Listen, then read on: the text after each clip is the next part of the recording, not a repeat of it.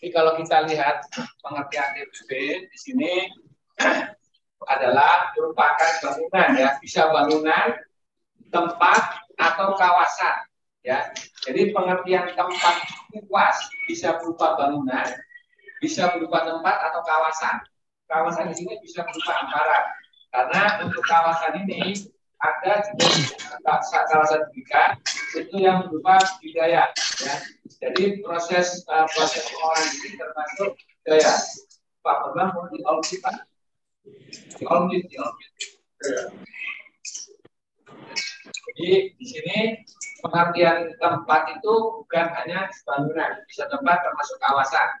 Ya, kawasan yang memenuhi persyaratan tertentu. Artinya bangunan tempat kawasan ini harus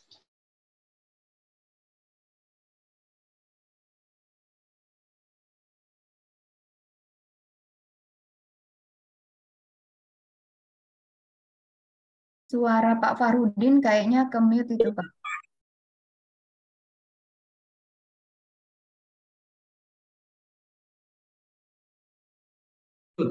Malas sekali. Yang di malah saya. Yang lain aja Pak biar habis. Ya, maaf ya saya ulang ya.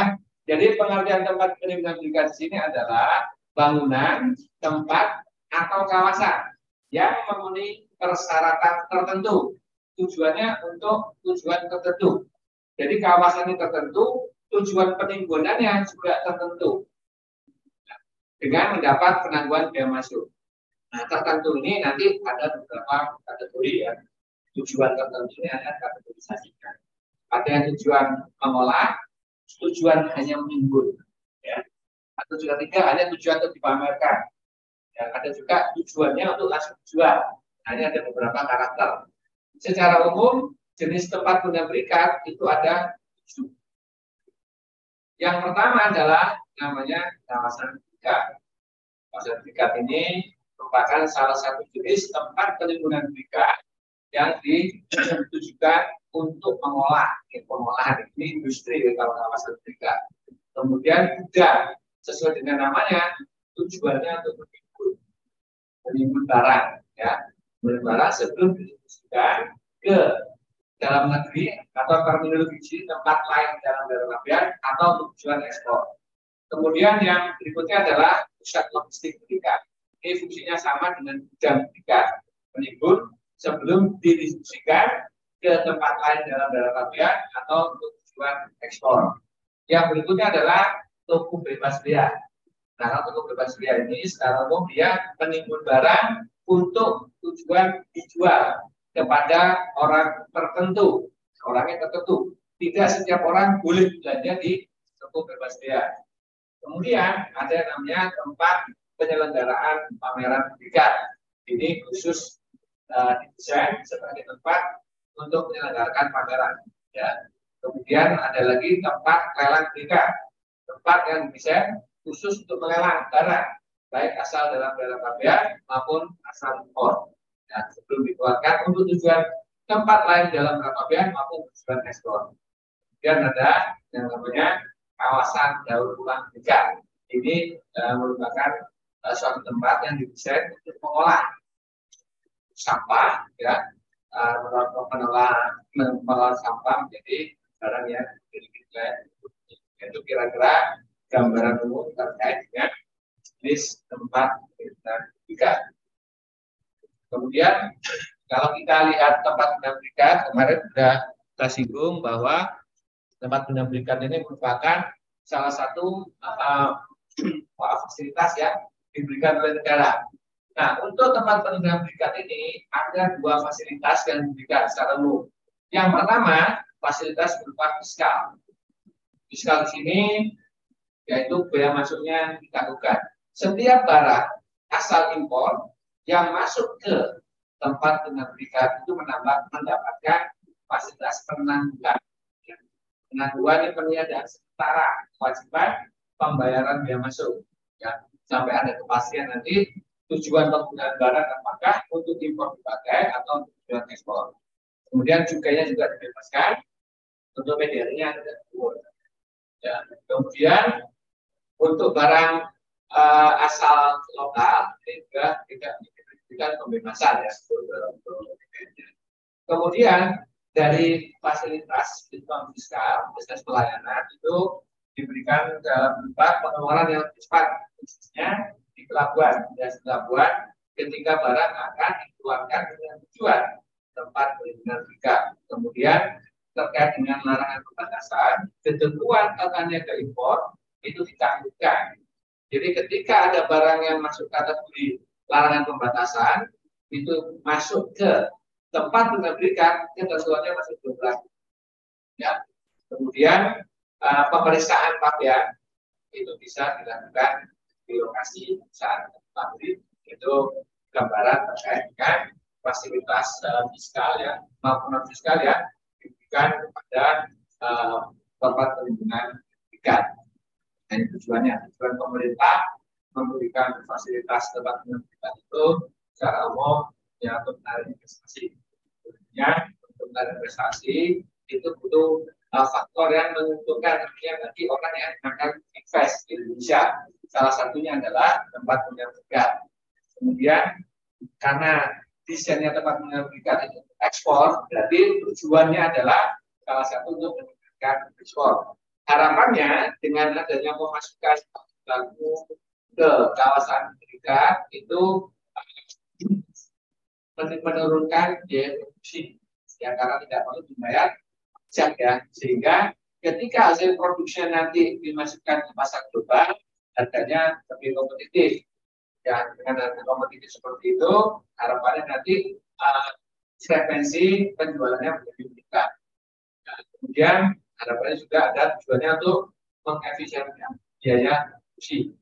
Ya kemudian kesehatan fisik peningkatan berat dan yang terakhir adalah mendorong perekonomian secara nasional. Harapannya dengan adanya investasi masuk, produksi, ada peningkatan lapangan kerja, itu peningkatan ekonomi di sekitar lokasi dan seterusnya ya.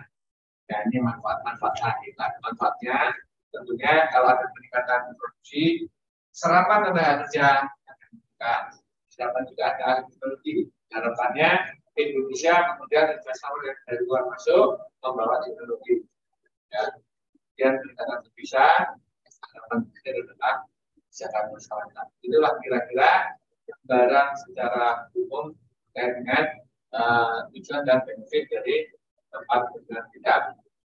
Nah untuk mendapatkan izin ya mendapatkan fasilitas yang namanya tempat kita tentunya ada proses yang akan kita secara umum proses untuk mendapatkan fasilitas izin sebagai tempat penimbunan berikat yang ada di layar depan ini.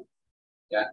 Di dalam proses bisnis untuk perizinan itu dicantumkan juga norma waktunya. Janji layanan bea cukai mulai dari proses permohonan sampai izin itu diberikan. Ya. Sama dengan seperti kita kemarin ya, prosesnya dibuat sederhana dan ada norma waktunya. Nah, kalau kita lihat di sini, setiap kali ada pengusaha yang tertarik atau yang membutuhkan fasilitas tempat pendidikan dapat mengajukan pemberitahuan kepada kepala kantor wilayah ya, kepala kantor wilayah Cukai atau kepala kantor pelayanan utama Cukai ya melalui sistem elektronik. Ya kalau elektronik nanti bisa menggunakan uh, secara manual. Nah kemudian nanti akan dilakukan penelitian dokumen dan pemesanan lokasi oleh kepala kantor bagian tempat di mana kawasan atau tempat pendidikan itu akan didirikan. Dan proses bagian administrasi dan juga nanti ada pemeriksaan lokasi. Dia juga perlu memastikan maka lokasi yang ditetapkan izin sebagai tempat pendidikan itu layak digunakan sesuai dengan izin yang ditetapkan. Ya, di sini kemudian uh, di sini ada batas waktu yang dilakukan oleh uh, di kantor papian. Maksimal tiga hari kerja setelah lokasi berita acara pengambilan berita acara pemeriksaan ini harus sudah selesai. Ya. Begitu berita acara selesai, nanti pengusaha yang masukkan permohonan ini ya dalam waktu satu sampai tiga hari kerja setelah BAP ya tiga hari kerja kemudian satu sampai tiga hari kerja setelah BAP itu nanti pengusaha menyampaikan presentasi. Nah, waktu sampai satu tiga ini tentunya tergantung dari kesiapan Di sini kontrol waktu dua belah pihak, tidak hanya bea cukai. Kalau yang, yang pertama tiga hari kerja, kontrol waktunya ada di bea cukai. Namun ketika presentasi kontrol waktunya di pihak. Ya, antara satu sampai tiga hari kerja ini uh, diberikan uh, diberikan waktu mana yang available ada yang ketika satu sampai hari kerja ini pengusaha melakukan presentasi, melakukan presentasi proses bisnis, kemudian memaparkan apa sih uh, kebutuhan perusahaan, keuntungan perusahaan menggunakan proses apa. Jadi pada intinya nanti menjelaskan proses bisnis, pengendalian internal, dan manfaat yang akan diperoleh oleh pengusaha ketika pengusaha diberikan fasilitas. Di sini ada proses dari pengusaha meyakinkan bahwa pengusaha memang perlu fasilitas. Nah, di sini ada uji layanan lagi. Ini dua kontrol BUMN. Paling lama satu jam setelah presentasi selesai dilakukan, kepala kantor wilayah kantor pelayanan utama BUMN wajib membuat keputusan membuat persetujuan atau penolakan. Ini waktunya hanya satu jam. Dan di sini ada proses paralel ya. Ketika ada permohonan nanti diambil secara paralel juga. Jadi kira-kira untuk mendapatkan fasilitas ini kalau dan dari waktu waktu sini ya maksimal di sini ya ya agar kontrol waktu juga dari di sini yang kontrol waktu adalah importernya. Di sini satu jam kontrol waktu juga.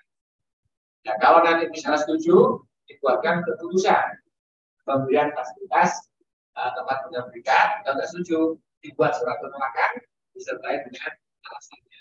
Itu gambaran terkait dengan perizinan seluruh jenis tempat pendidikan tadi. Artinya sama ya. Dan kita sekarang masuk ke salah jenis yang pertama ya. Jenis yang pertama adalah kawasan juga. Ya. Yang dimaksud dengan kawasan berikat adalah tempat penimbunan berikat yang digunakan untuk menimbun barang impor dan atau barang asal tempat lain dalam daerah KPA guna diolah atau digabungkan sebelum diekspor atau diimpor berbagai. Ya, ini kata kuncinya di kawasan berikat pertama menimbun, yang ditimbun itu berupa barang impor dan atau barang asal tempat lain dalam kemudian. Jadi di, ada tiga kategori yang bisa ditimbun. Pertama hanya barang impor, kedua hanya barang asal tempat lain dalam kemudian. Yang ketiga bisa gabungan impor dan asal tempat lain dalam ya. Jadi kata-kata kunci ini perhatikan ya. Kemudian tujuannya apa ditimbun? Olah. Ada proses pengolahan di sini. Yang di sini ada industri. Ya. Nanti kita lihat kegiatan pengolahan itu yang dimaksud dengan uh, terminologi di uh, perasaan itu apa. Ya. Kemudian di sini diolah tujuannya untuk apa? Tujuan utamanya adalah konsumsi ekspor. Atau ini opsi kedua, impor dipakai. Ya.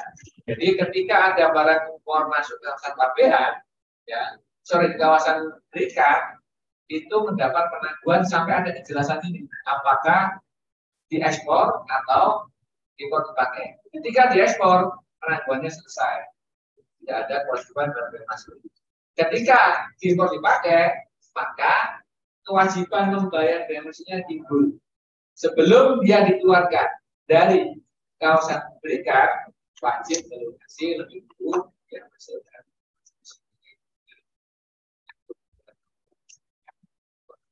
jadi kita lihat pengertian pengolahan dulu. Ini kan tadi kan tujuannya diolah dan digabungkan ya. Untuk pengolahan itu yang pertama saja mengolah barang dan bahan ya, dengan tanpa memperhatikan bahan penolong ya, ya yang hasil produksinya memiliki tingkat tambah tinggi. Di sini termasuk ada perubahan sifat dan seterusnya. Dan ini yang kedua nih, yang dimaksud pengolahan juga termasuk budaya, flora dan fauna. Yang saya sebut tadi kawasan itu berupa hamparan kebun ya. Ini sudah ada. Ini misalnya kawasan ketiga untuk perusahaan pengolahan nanas. Itu termasuk kebun nanas itu jadi Lampung di Bali. Ya itu berupa hamparan ya.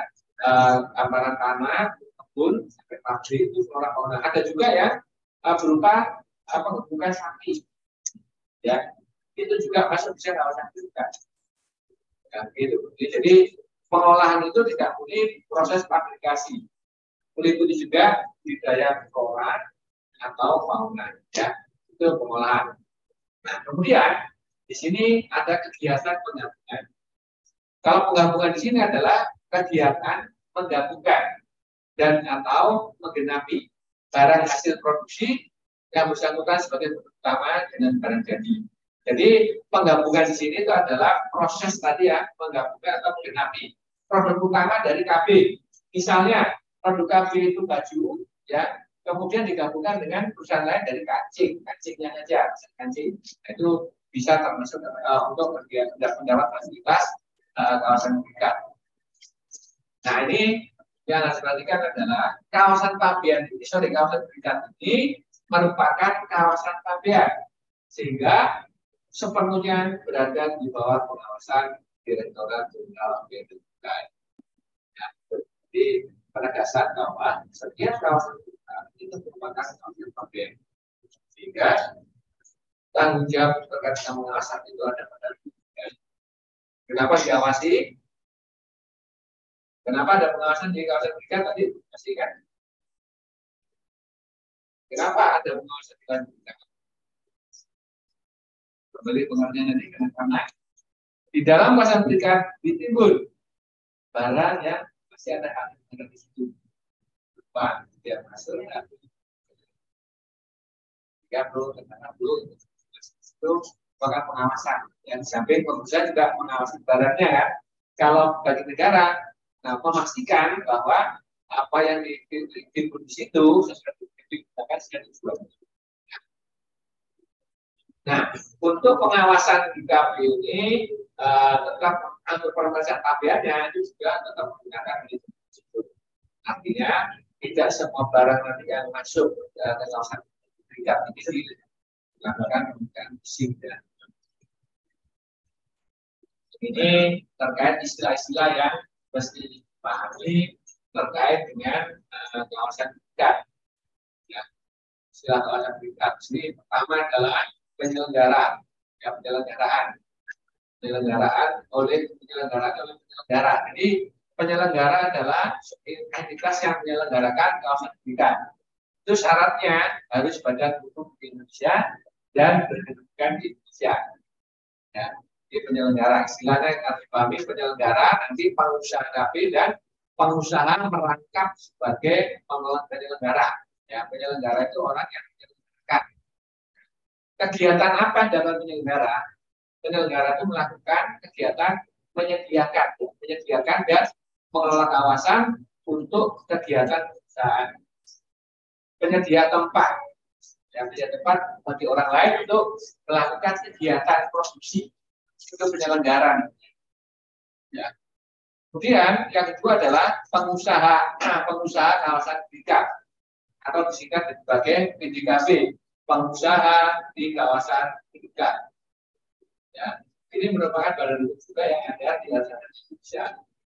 Kegiatan dilakukan pengusaha KB adalah menimbun barang impor atau barang asal dari B guna diolah atau digabungkan sebelum diekspor atau dipakai. Jadi ini uh, pelaku usaha industrinya.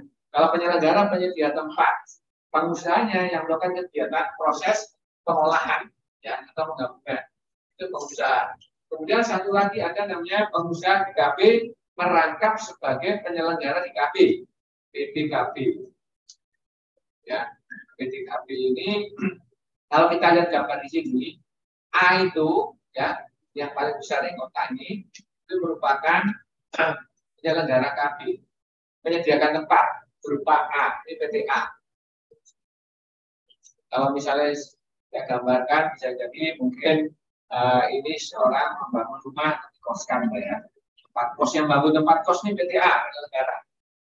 Kemudian masing-masing kamarnya kamar bersama orang PT B ini uh, sorry PT A ini juga sorry PT A ini uh, pengusaha KB ya pengusaha KB ya dulu ya sama pengusaha KB jadi A ini selain menyediakan tempat juga dia melakukan kegiatan penghibur entitas sama entitas A yang melakukan kegiatan uh, melakukan pengolahan dan pemilik atau penyedia penyedia tempat itu sama. Itu namanya pengusaha KB ketika ada orang lain nyewa ketika saya kalau ilustrasikan kamar-kamar kos ya ketika ada orang lain nyewa untuk kegiatan usaha namanya pengusaha KB perangkap seperti yang PTB coba selatan itu di mengerti terminologi karena ini akan terus susah ada jadi pertama penyelenggara ini bapak kos. Kalau bapak kos sekaligus usaha di situ bapak kos ingin jualan juga misalnya. Dia yang masuk kategori ya pengusaha KB ya PTA ini. Bapak kos penyelenggara KB ketika ada orang nyewa nyewa tempat untuk jualan atau usaha dengan PTB pengusaha merangkap sebagai penyelenggara. Sudah tergambar pengertian ini karena ini akan hidup terus pengertian ini di setiap jenis atau berikan ada semua pengertian ini cuma diganti belakangnya saja KB, KB, TLB gitu. Jadi secara umum yang tiga ini. Sampai di sini barangkali ada yang mau diskusikan, silakan Bapak Ibu.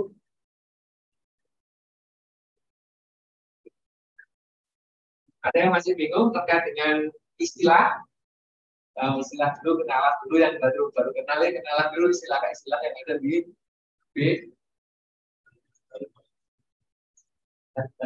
yang istilah bukan muridnya yang baru di ruang Zoom masih dengar suara saya? Masih, Pak. Baik, kalau ada pertanyaan, kita lanjut ya. Nah, ini persyaratan kawasan berikat. Ya. Persyaratan kawasan berikat itu secara umum dari sisi lokasinya itu ada dua kategori. Yang pertama adalah kawasan industri. Yang kedua, ini kawasan budidaya sesuai rencana tata ruang wilayah. Ini untuk tempat-tempat atau kota tidak memiliki kawasan industri. Bisa kawasan budidaya. Luasnya kalau budidaya itu lebih dari satu hektar ke atas. Dari kawasan industri, kalau kawasan itu tidak tidak ada besar. Jadi secara umum ada dua ya, lokasinya kawasan industri atau kawasan budaya. Luasnya satu hektar. Nah kemudian di sini terkait persyaratan penyelenggaranya tapi menjadi dua kategori syarat fisik dan syarat administratif. Syarat fisik sini secara umum untuk perusahaan perusahaan yang akan ekspor lah ya, lokasinya secara umum bisa dilewati mas dan seterusnya. Kemudian memiliki batas yang jelas. Kemudian digunakan untuk melakukan kegiatan pengolahan. Bahan baku menjadi hasil produksi. Cara administrasi di sini di sini ada ada isu usaha perdagangannya, ada kesesuaian data wajib pajaknya dari kepala dan salin dari KPP, kemudian itu juga ada ada bukti kepemilikan tempat atau pengusaha penguasaan kawasan ya. Ini bisa sewa bisa pinjam. Ya, tergantung dari status panennya kalau pemilikan harus menjadikan eh, apa sertifikatnya. Kalau misalnya sewa harus ada sewanya misalnya begitu. Ya kemudian yang terakhir dibutuhkan sebagai perusahaan kerja ya. nah nanti terkait dengan uh, persyaratan ini untuk fisik ya uh, untuk melakukan fisik syarat fisik ini bisa paralel ya. Ketika mengajukan permohonan untuk uh, perusahaan dan fasilitas tidak pasti bangunan harus ketika bangunan sedang berproses pun izin sudah bisa dibuka ya, itu. Nah, di sini nanti ada ketentuan nanti terkait dengan lokasi karena nanti di KB itu dilakukan pengawasan oleh cukai, maka ada persyaratan dari untuk terkait bangunan harus tersedia ruang kerja bagi cukai, ya, ruang kerja bagi bea cukai, masuk ruang istirahat. Kenapa? Karena kerja di KB 24 jam. Jadi juga ikuti jam kerjanya industri. Kalau industri kan kecenderungan restoran kan 24 jam tuh. Ya. Ya. Sehingga nanti biasanya kalau ada konsisten Nah, ketika nanti belum dipenuhi, isi tenaga kami dapat diberikan ya terkait dengan fisik lah ya. Ketika uh, fis, uh, persyaratan fisik ada yang belum terpenuhi, izin masih tetap dapat diberikan ya. Namun di sini perusahaan wajib memenuhi persyaratan sampai batas waktu tertentu. Jadi ketika misalnya ada bangunan yang belum selesai, nanti izin diberikan dengan komitmen. Jadi perusahaan diberikan timeline. Kapan perizinan itu wajib diberikan oleh pengusaha kepada pemberi fasilitas. Nanti tentunya akan dilakukan evaluasi. Ada batas waktu tertentu. Berapa lama batas waktunya? Tergantung dari kekurangan fisiknya. Ada proses komunikasi antara kepala kantor uh, wilayah dan kantor dengan importir. Berapa lama waktu dibutuhkan untuk menyelesaikan dan itu bisa. Jadi di sini jadi komitmen besar terkait dengan batas waktu tertentu. Jadi batas waktu tertentu nanti tergantung dari uh, tingkat penyelesaian bangunan yang tahu jangka waktunya adalah perusahaan. Ya, gitu. Ini kalau sebagai penyelenggara yang menyelenggarakan menyediakan tempat ya. Sekarang bagaimana dari pelaku usahanya yang melakukan kegiatan untuk melakukan uh, kegiatan pengolahan. Nah, kalau di sini kan kita lihat dia menyelenggarakan izinnya itu usaha yang perdagangan, pengelolaan kawasan. Kita lihat bedanya apa dengan perusahaan api atau perusahaan di kawasan dekatnya. Kalau dia melakukan kegiatan pengolahan, nanti izinnya berbeda. Ada sedikit yang berbeda ya. Tentunya secara umum sama ini ya, fisiknya sama ya. Cuman administrasinya yang berbeda di sini. Karena dia harus eh, melakukan pengolahan, izinnya juga berbeda. Dia izin usaha industri. Ya, yang lain adalah bersama. Ya. Nah, yang berikutnya lagi khusus untuk perusahaan di kawasan perusahaan kawasan dekat ini yang tidak ada kaitan tidak ada ya dengan penyelenggara ini nanti harus mendapat rekomendasi lebih dari penyelenggara, rekomendasi dari yang punya tempat, yang mengelola, yang menyediakan dan mengelola. Jadi nanti uh, pemilik tempat pengelolaan itu juga diberikan uh, diberikan oleh KBK untuk melakukan screening tentunya ya untuk orang-orang yang melakukan kegiatan di uh, di kawasan pendidikan ini. Dan yang menyewa siapa sendiri siapa sih yang di situ ada rekomendasinya dan karena nanti masing-masing pihak memiliki keterkaitan ketika nanti ada pelanggaran. Sehingga rekomendasi ini diperlukan. Ya, rekomendasi dari penyelenggara sebagai pengelola tempat. Permohonan sama ya, dia juga uh, bisa nanti kalau fisiknya selesai atau ketika bangunan fisiknya ini belum selesai. Sama dengan penyelenggara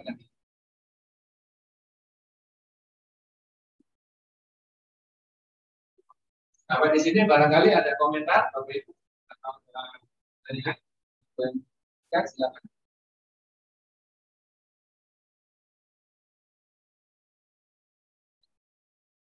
Baik, kalau tidak ada saya lanjutkan ya. Nah, terkait pelayanan perizinan, ini sama dengan slide yang sebelumnya.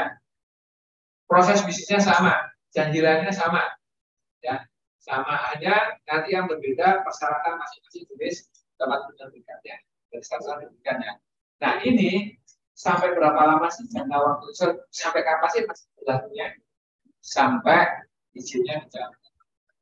Jadi cukup sekali izin berlaku sampai dicabut, sampai pengusahanya bosan, sampai ada pencabutan. Jadi pencabutan bisa merupakan hasil dari kegiatan biaya cukai atau karena penggunaan yang sudah tidak lagi Jadi izin ngurus sekali itu berlaku satu bulan Ya, gitu. Nah, terkait dengan kawasan dekat, ada yang namanya izin transaksional. Artinya setiap melakukan kegiatan tertentu itu ada izinnya. Ya, kalau tadi izin sekali, izin sebagai uh, penerima fasilitas. Kalau izin transaksional, ini misalnya izin untuk pengeluaran sementara KB ke tempat lain dalam ya. Misalnya ketika KB sudah melakukan kegiatan, ya, ya kasih ilustrasi mungkin kita industri gampang ya. Misalnya industri industri uh, lah ya, membuat baju, membuat baju, kemudian dia akan melakukan kegiatan untuk subkontrak. Subkontrak misalnya subkontrak untuk jahit, ya pola sudah dibuat pola, dipotong di KB, jahit di luar misalnya, setelah jahit selesai dikembalikan lagi. Itu salah satu contoh pengeluaran sementara. Tujuan subkontrak, kembali lagi. Itu harus izin dia juga.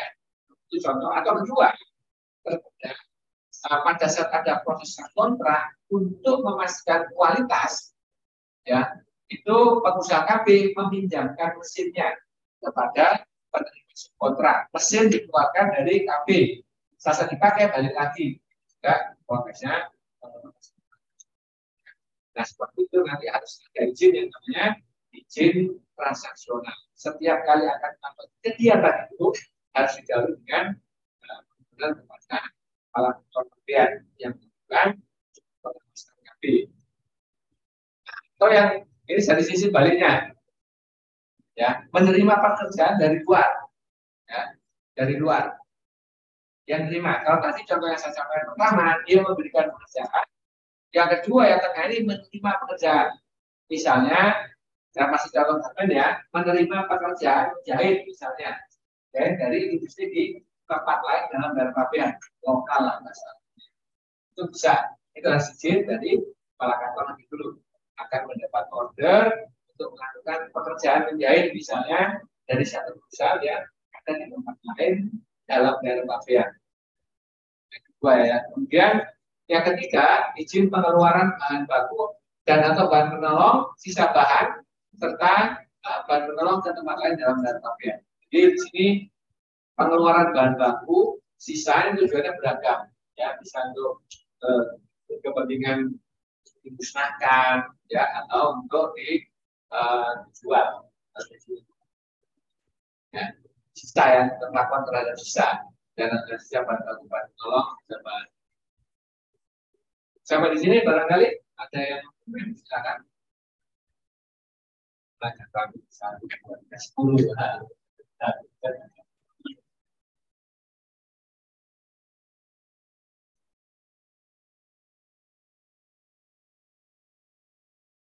Di ruang Zoom suara saya masih ada? Masih, Pak. Ada komentar barangkali di ruang? Belum ada. Oke, kalau kemarin kita lanjut ya. Nah, ini proses bisnis untuk perizinan kawasan pendidikan. Kurang lebihnya sama gambaran tadi ya. Untuk gambaran besar seluruh tempat pendidikan, ini sama semua. Ya, prosesnya sama, kemudian apa namanya janji lain waktunya juga sama ya. Ini untuk AB. Ini di sini nanti yang melakukan proses penelitian administrasi atau uh, memberikan lokasi itu adalah pembagian. Kalau misalnya saya ilustrasikan di Pontianak, ini permohonan juga kartu Pontianak. Kemudian yang melakukan penelitian uh, dokumen dan lokasi kantor pelayanan Pontianak. Nanti sudah selesai atau Pontianak, Pak Pontianak membuat berita acara, kemudian diteruskan ke kantor Presentasinya dilakukan di kantor Nah, ini yang mestinya di, eh, diperhatikan adalah keputusan persetujuan berupa keputusan pemberian fasilitas. Yang tanda tangan adalah kepala kantor wilayah, kepala kantor utama, atas nama Menteri Keuangan. Jadi jangan lupa atas nama Menteri Keuangan. Kalau itu muncul di pilihan ganda. Misalnya ada yang tangan di buat ambil keuangan. Keuangan. Itu ya kata atas nama. Nah, yang memiliki uh, kewenangan dengan undang kemudian memberi kewenangan untuk memberikan fasilitas ini ada Menteri Keuangan. Dan Menteri Keuangan mendelegasikan kewenangan kepada seluruh kakande dan kepala kantor dan utama bisnis. Ya. Ini proses untuk pemeriksaan dokumen dan lokasi ya. Di sini contoh valid ah, pemeriksaan dokumennya divalidasi terkait dengan isi usaha kemudian si penguasaan lokasinya, dan juga kesesuaian masih data masih pajaknya, validasi dari kantor pajaknya. Ya. Kemudian di sini juga berkaitan dengan yang dalam pengecekan, salah satunya adalah yang utama sisi pengendalian internal perusahaan. Jadi nanti perusahaan menyampaikan proses bisnis terkait dengan masing-masing kegiatan, misalnya proses bisnis untuk pengadaan pembelian tanah itu seperti apa. Dia juga akan mengukur uh, terkait dengan lemah tidaknya pengendalian internal perusahaan. Jadi pertimbangan. Ini kaitannya nanti dengan kualitas data untuk kepentingan audit. Ya. Kemudian di sini menganalisis dampak ekonomi yang dihasilkan dari pemberian izin kawasan. Jadi uh, nanti dari dari sisi pengusaha itu membuat analisis dampak masih uh, dampak pemberian fasilitas pada perusahaan itu kepada uh, di sekitar uh, daerah itu misalnya ya. Kemudian di sini pemenuhan kewajiban ada kewajiban-kewajiban yang harus diberi oleh kawasan tiga karena dia fisiknya seperti apa. Kemudian terkait dengan atas-atasnya ya. kemudian akan dia pengawasan. Nah kemudian terkait dengan kriteria izin juga ini terkait dengan IT inventory. Karena cukai untuk fasilitas kepabianan itu melakukan uh, pengawasan salah satunya melalui teknologi teknologi di sini bisa CCTV. Yang kedua itu melalui aplikasi yang harus datanya dapat Oke. Dalam hal ini adalah ID inventory. Jadi sistem IT yang ada di perusahaan sertifikat itu nanti dapat diakses ke BCK secara real time. Jadi nanti dari perusahaan memberikan username password tertentu untuk akses data Kemudian CCTV juga time. Di tempat-tempat tertentu belum masuk biasanya dan juga dilanjutkan di tempat proses studi CCTV dan juga bisa mengakses secara langsung. Ya. Dan juga nanti ada namanya control room, isinya layar-layar untuk memonitor masing-masing kegiatan yang ada di perusahaan. Ya, situ gambarannya. Kemudian batasnya jelas. Sini lokasi dari pertemuan sekarang masih cek ya. Kemudian rekomendasi dan yang terakhir adalah pemeriksaan badan nah, itu kira-kira terkait pemeriksaan lokasi dokumen untuk kawasan berikat. Nah, di dalam kawasan berikat, para kantor wilayah juga dapat memberikan dapat ya situasional yang memberikan izin penambahan lokasi KP tidak dalam satu lembaran. Ini memudahkan. Jadi kepala kantor wilayah itu dapat memberikan izin memastikan uh, apa penambahan lokasi di tidak dalam satu lembaran. Misalnya ada suatu perusahaan industri semua ada PKB, kemudian berkembang karena berkembang untuk tempat lagi untuk dan administratif. Sementara di lokasi awal itu bisa nanti meminta kepada uh, untuk memberikan izin tapi tidak tidak ada lemparan tidak tepat. Ya ini misalnya untuk pendidikan bahan baku dan atau sebaliknya bahan cukup nih dannya tetapi tidak diproduksi ya itu tempat yang dan hasil produksi juga kurang. Sehingga juga tempat di tempat lain di luar lemparan tidak itu bisa dilakukan kemudian kalau kapasitas tidak mencukupi atau karakteristik produksi memerlukan pendidikan secara khusus. Yang ketiga, kriteria sama seperti KB kecuali dan luasnya tidak tidak tidak jasa hektar ya. Kemudian syarat tadi berbeda. Artinya begini, ketika nanti ada permohonan untuk menambah KB tidak dalam satu tambah.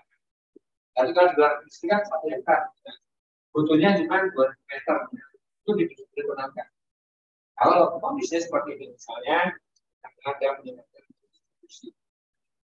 Bu, boleh tempat lain. Itu persyaratan terkait dengan uh, apa persyaratan terkait dengan luas batasan luas tidak persyaratan lain tetap fisik dan itu harus selain dari ya. Nah, kemudian perlakuan tertentu di KB ini bisa juga terkait dengan adanya penyusutan.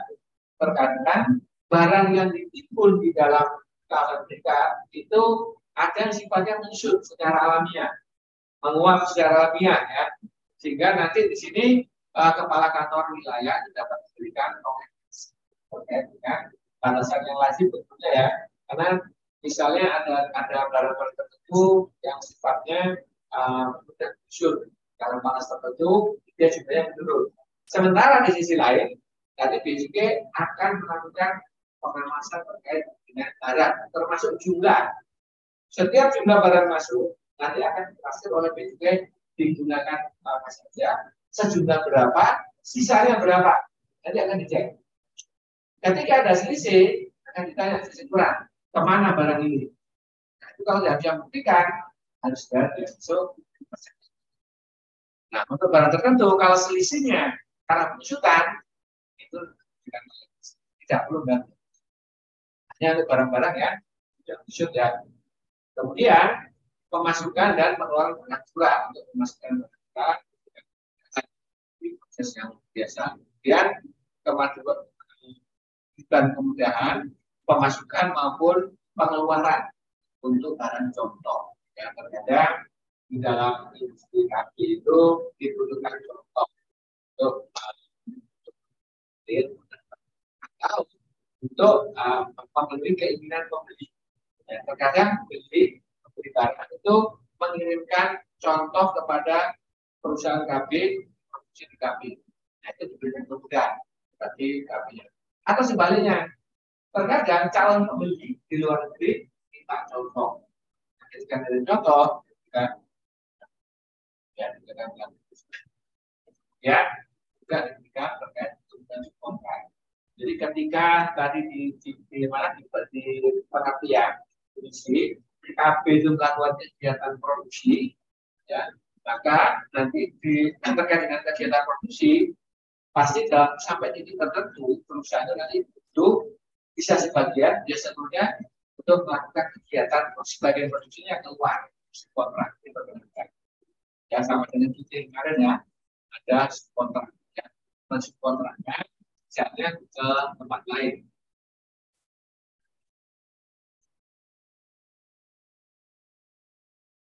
Ini juga ada uh, yang terkait dengan tata cara pemasukan untuk pengatur proses bisnis, pengaturan yang sini ya, untuk AB yang tidak dalam satu hamparan itu uh, bisa dalam satu persetujuan izin.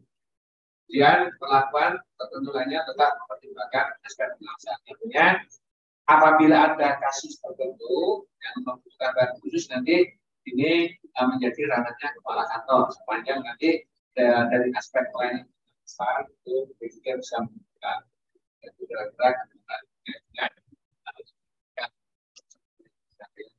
kira-kira Sampai di sini barangkali, silakan.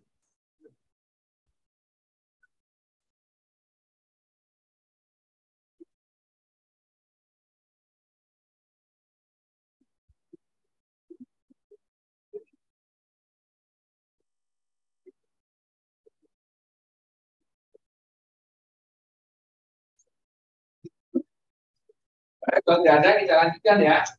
Izin pengusaha gas berikat ini diberikan untuk perpuluhan barang ini ada misalnya untuk tujuan ekspor, fokus ke ekspor ya, atau sebagai substitusi barang impor. Ya, ini pemerintah kan mendorong substitusi barang impor. Ya, ini bisa merasakan pada KP atau hilirisasi industri.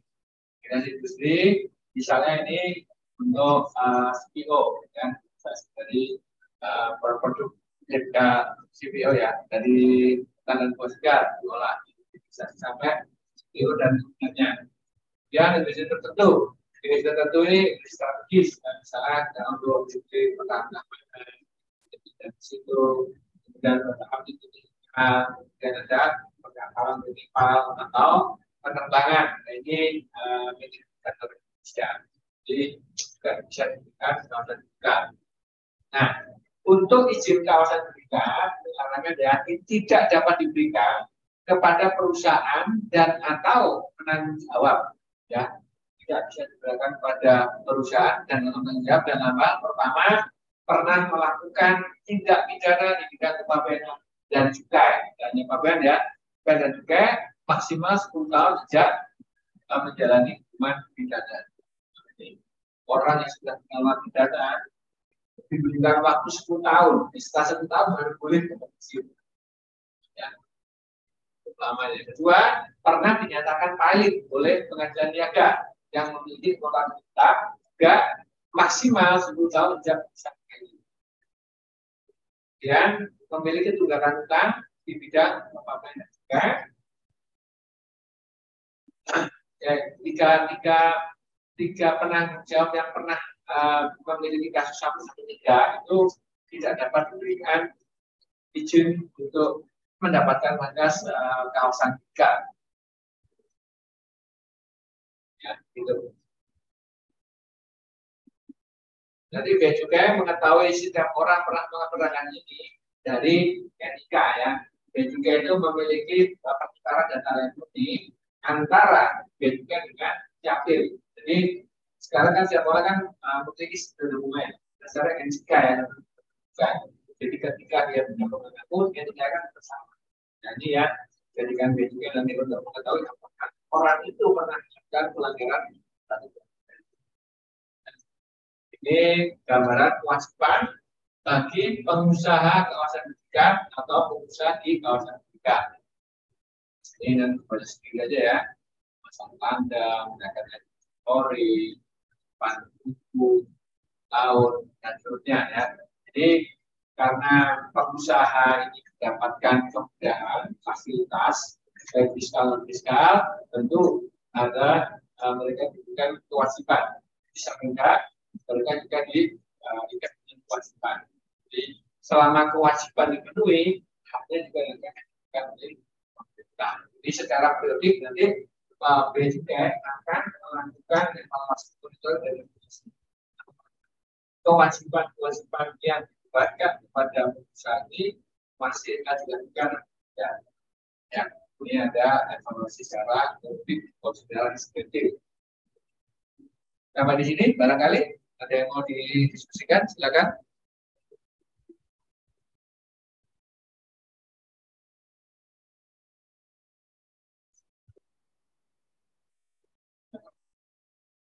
Ya. tadi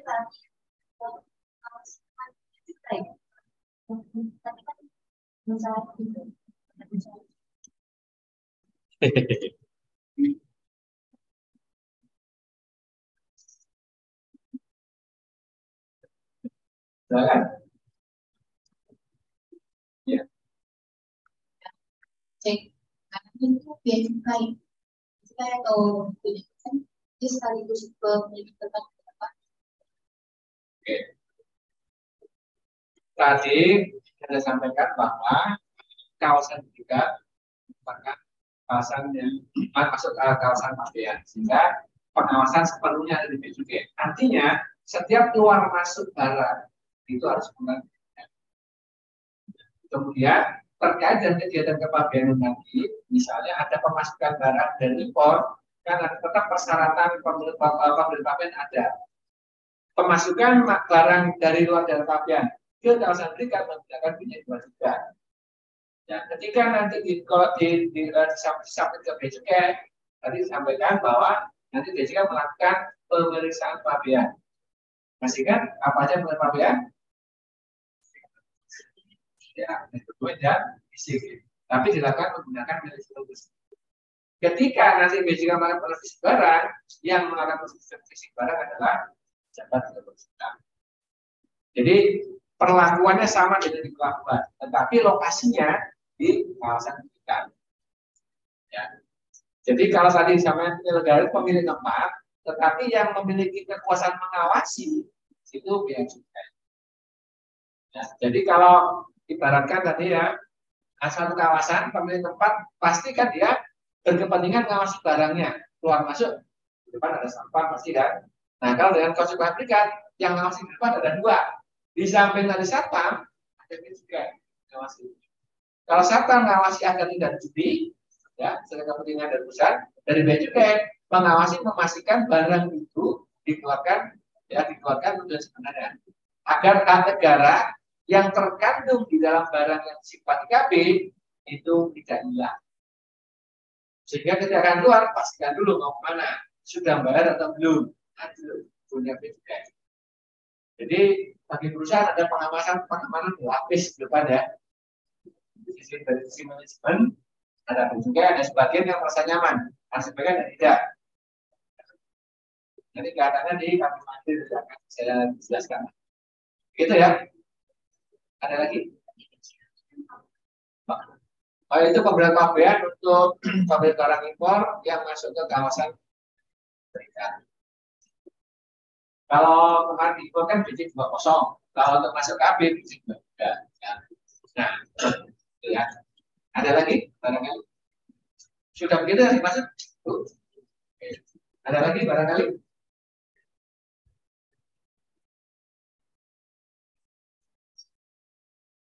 Kalau tidak ada, setelah kewajiban ini ada tanggung jawab ya. Tanggung jawab kawasan berikat ya. Tanggung jawab penyelenggara, pengusaha kawasan berikat, pengusaha di kawasan berikat ketika itu terhadap bea masuk dan atau cukai serta pajak dalam rangka impor yang terutang atas barang impor yang berada atau seharusnya berada di kawasan ikan. Ya. Yang berikutnya adalah cukai, kalau untuk cukai ya, cukai serta PPN atau PPN dan PPNBM yang tentang atas barang asal tempat lain dalam daerah pakaian, daerah lokal ya, bahwa yang berada atau seharusnya berada. Seharusnya ini artinya adalah barang yang sisa sesuai dengan uh, yang ada buku satu buku harus sama dengan satu fisiknya. ITB juga akan melakukan stok up. Ya.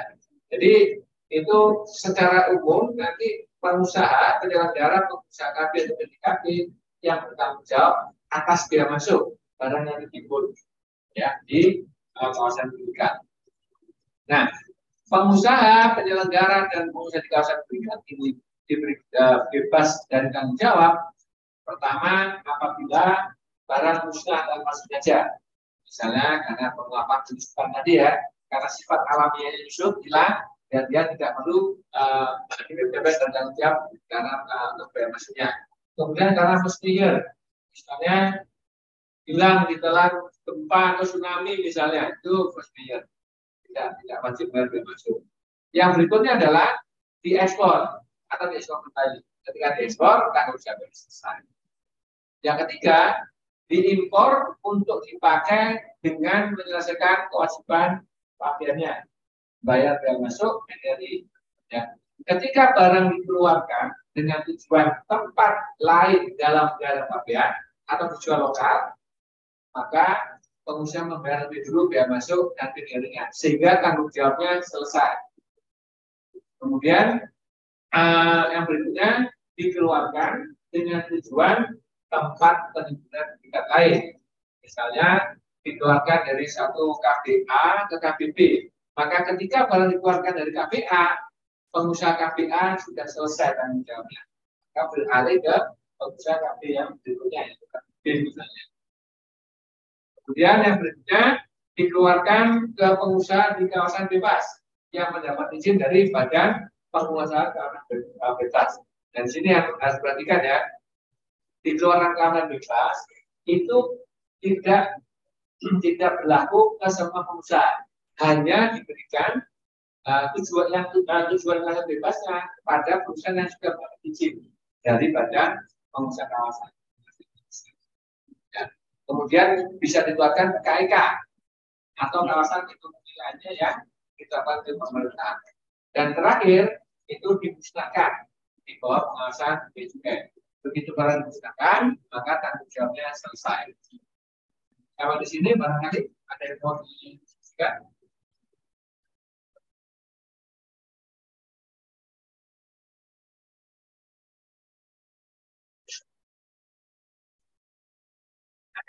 Ya, uh, perlakuan untuk barang larangan perbatasan yang masuk ke kawasan berikat.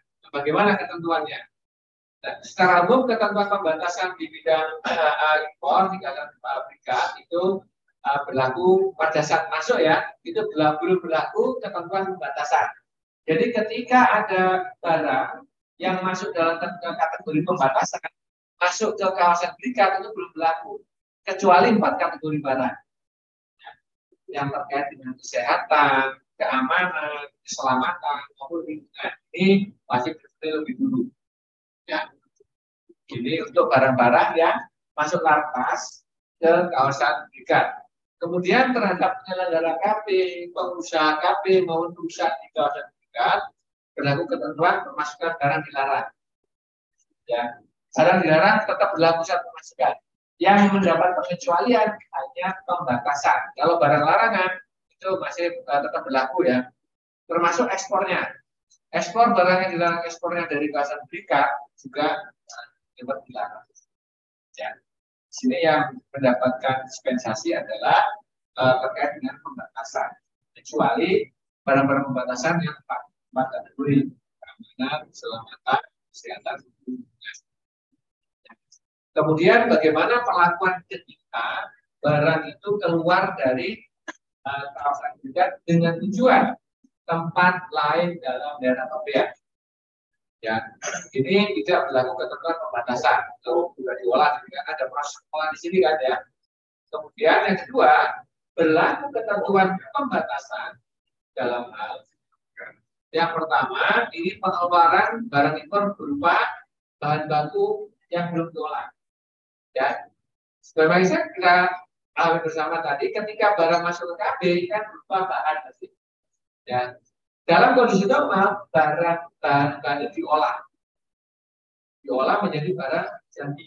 Barang jadi yang dikeluarkan tetap pembatasan dan Ketika yang masuk berupa bahan baku yang kena pembatasan, kemudian dikeluarkan masih berupa bahan baku, maka ini berlaku saat saat akan dibuat. Barangnya sama ya. Barang antara yang masuk dan keluar sama. Itu benar pembatasan ini dengan catatan barang yang masuk itu merupakan barang yang kategorinya adalah pembatasan. Kemudian pada yang kedua ketika barang pembatasan masuk ke kabin belum uh, menunjukkan pembatasan ketika dikeluarkan wajib. Ya itu. Yang terakhir apabila internet ini tergantung dari instansi terkait karena yang membuat kebijakan berkaitan dengan ketentuan pembatasan itu adalah instansi terkait. Sehingga kalau misalnya instansi terkait secara khusus memperlakukan ketentuan pembatasan saat pengeluaran barang, maka itu harus ya, itu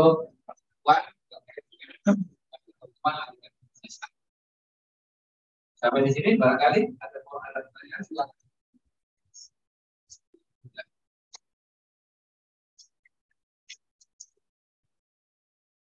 Kan di ruang Zoom suaranya masih terdengar Bapak Ibu.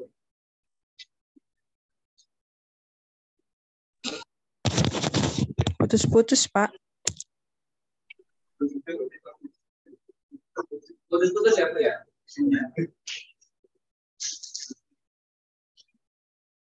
Halo,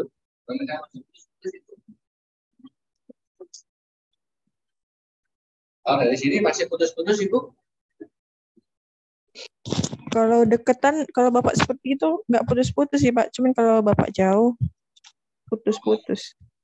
Oke.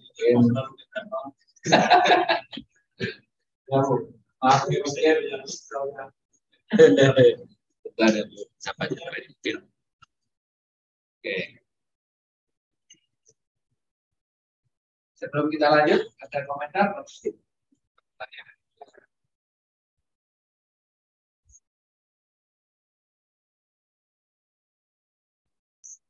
Kalau tidak ada, kita lanjutkan ya. uh, untuk pemasukan dan pengeluaran barang ke dan dari kawasan berikat. Jadi untuk memasukkan barang ke kawasan berikat itu bisa berasal langsung dari luar daerah pabean, bisa juga barang asal tempat penimbunan berikat lain. Misalnya dari satu kawasan pabean ke kawasan berikat lainnya. Atau bisa juga barang asal kawasan bebas masuk ke kawasan berikat. Atau barang asal tempat lain dalam daerah pabean lokal masuk ke kawasan pabean, uh, berikat. Atau barang yang berasal dari kawasan ekonomi khusus masuk ke kawasan berikat. Dan terakhir, barang yang berasal dari kawasan ekonomi lainnya yang ditetapkan pemerintah. Itu bisa juga masuk ke kawasan berikat. Nah, barang-barang apa saja yang dapat dimasukkan ke kawasan berikat? Yang pertama adalah bahan baku, bahan penolong, pengemas, dan alat bantu pengemas. Barang contoh, barang modal, bahan bakar, peralatan perkantoran, dan atau barang untuk kepentingan penelitian dan pengembangan. Yang kedua, barang jadi. Bisa barang jadi, barang setengah jadi untuk digabungkan dengan hasil produksi KB. Jadi kalau KB-nya adalah uh, melakukan kegiatan penggabungan, ya bisa barang jadi atau setengah jadi digabungkan dengan barang jadinya uh, dari KB itu. Yang ketiga adalah barang yang dimasukkan kembali. Ya, dari kegiatan pemasukan sementara. Jangan tadi ya, untuk tadi dikeluarkan si kontrak, masuk lagi. Ya. Atau tadi ada mesin dipinjamkan, keluar, masuk lagi. Bisa ya. Kemudian hasil produksi yang dimasuk kembali kontrak ya. Kemudian hasil produksi kabel lain yang bukan barang untuk dikonsumsi. Jadi catatannya bukan untuk dikonsumsi KB ya. Kemudian uh, berkaitan dengan kegiatan produksi dan mendapat persetujuan dari pejabat melalui sistem komputer bayaran. Nah, itu kira-kira terkait dengan pemasukan. Jadi pemasukan barang ini dipercaya juga dapat dilakukan ya. Asalnya tadi di atas tadi bisa langsung dari jangka pabean atau lain misalnya kawasan bebas, kawasan khusus, kawasan lainnya, atau nanti bisa juga dari lokal ya tempat lain dalam jangka pabean. Nah, Bagaimana dengan tujuan pengeluaran barang dari KB? Tujuannya juga sama. Tujuan pengeluaran barang dari KB itu bisa langsung keluar daerah pabean, bisa juga ditujukan ke tempat penimbunan berikat lainnya dengan tujuan misalnya misalnya di, diolah digabungkan atau di uh, misalnya peminjaman mesin itu bisa. Yang berikutnya bisa juga ditujukan untuk kawasan bebas ke KIK, kawasan ekonomi lainnya, maupun ke tempat lain dalam ya. ya. Ini masih sama antara keluar uh, asal masuk dari uh, dan pulang bisa, bisa sama. Nah, untuk pengeluaran barang dari kawasan kita itu apabila berupa bahan baku, sisa bahan baku, atau bahan penolong, atau sisa bahan penolong itu dilakukan setelah mendapat persetujuan lebih dulu dari kepala kantor mafian. Ini izin transaksional tadi ya harus ada di dulu untuk barang. Ya. Kemudian uh, yang dikeluarkan juga bisa berupa pengawas atau alat bantu pengemasnya. Hasil produksi yang telah uh, hasil produksi barang jadi maupun setengah jadi. Kemudian barang contoh, barang modal, barang kantoran, barang bank sisa hasil produksi. Ya, sisa hasil produksi ini dikeluarkan hasilnya kalau memiliki nilai ekonomi tujuannya adalah tujuan. Nah, ini dikeluarkan dari kawasan berikat setelah dia masuk dan pajak penghasilan impornya uh, itu di, dibayarkan lebih dulu. Kemudian sisa pengemas dan limbah. Ya, ini kalau ya, sisa sisa pengemas limbah ini tidak memiliki nilai ekonomi. Lazimnya dikeluarkan dari kawasan berikat tujuannya adalah untuk di ya, nanti setiap penggunaan nanti itu uh, di bawah pengawasan dari Direktorat Jenderal Cukai. Nah, ini gambaran secara umum barang-barang yang masuk ke kawasan berikan, baik dari sisi asal maupun barang yang bisa masuk, dan barang yang dikeluarkan dari kawasan berikan. baik dari sisi tujuan maupun dari sisi barangnya. Sampai di sini barangkali ada yang mau didiskusikan, silakan Bapak Ibu.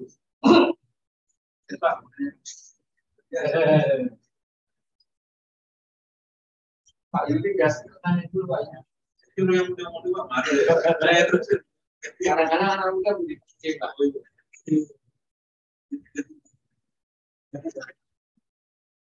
Pak ada nggak batasan waktu antara barang itu masuk ke kawasan kita jadi harus keluar Kalau di kalian berikan tidak diatur norma waktu seperti itu ya. Kita masih kan berapa lama? di dua belas bulan Kalau di kita tidak ada pasti.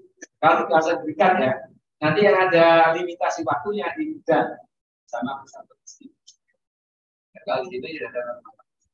karena kan ada kemungkinan Pak dia masuk diolah tapi ternyata di tengah perjalanan terjadi perubahan terjadi perubahan. Maka nanti barang ini bisa diekspor atau. Atau boleh dijual Kalau misalnya dengan khusus lagi sama usaha ya nggak akan lagi. Nah, kata sisa barang yang ada diambil, yang tidak bisa diambil, berarti kan masih ada anggaran. Ada beberapa opsi. Kalau misalnya uh, jual itu dibayar biaya Kedua, kalau dijual kepada pengusaha yang fasilitas yang sama, itu bisa dikeluarkan tanpa bayar. Yang ketiga, bisa juga barang itu nanti direspon tanpa bayar. Kalau dibiarkan saja, Pak, nanti ketika nanti setelah dicabut, ada batas waktu itu. 30 hari harus dikeluarkan dengan tujuan apa pun. Kalau tidak dikeluarkan, nanti masuk ke tidak.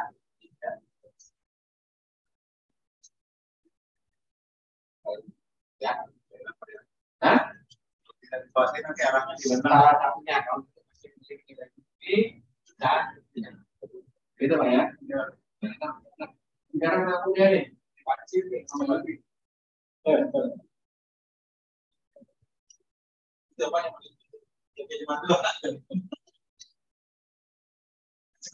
Ibu, Yurajim barangkali ada pertanyaan bapak ibu Eh, tidak ada pertanyaan, kita break sebentar ya, 15 menit ya. Biar nanti tidak terlalu dingin ya. ya silakan yang mau istirahat sebentar ya. Bapak Ibu di ruang Zoom juga istirahat sebentar Bapak Ibu ya. 15 menit ya. what?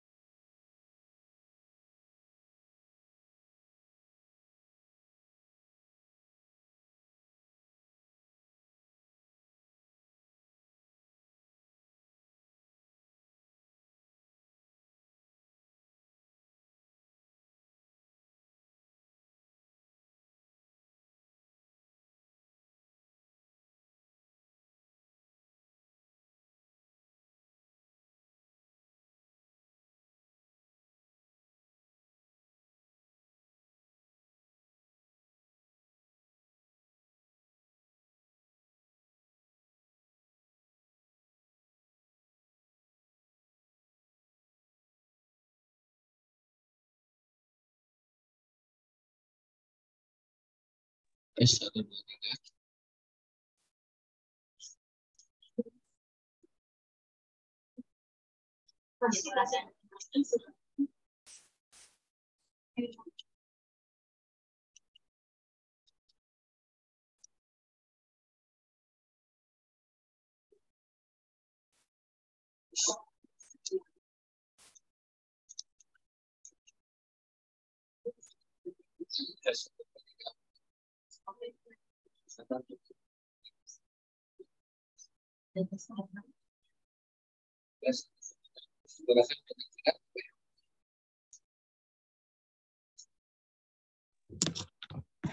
Tidak jelas, Pak. Jelas ya.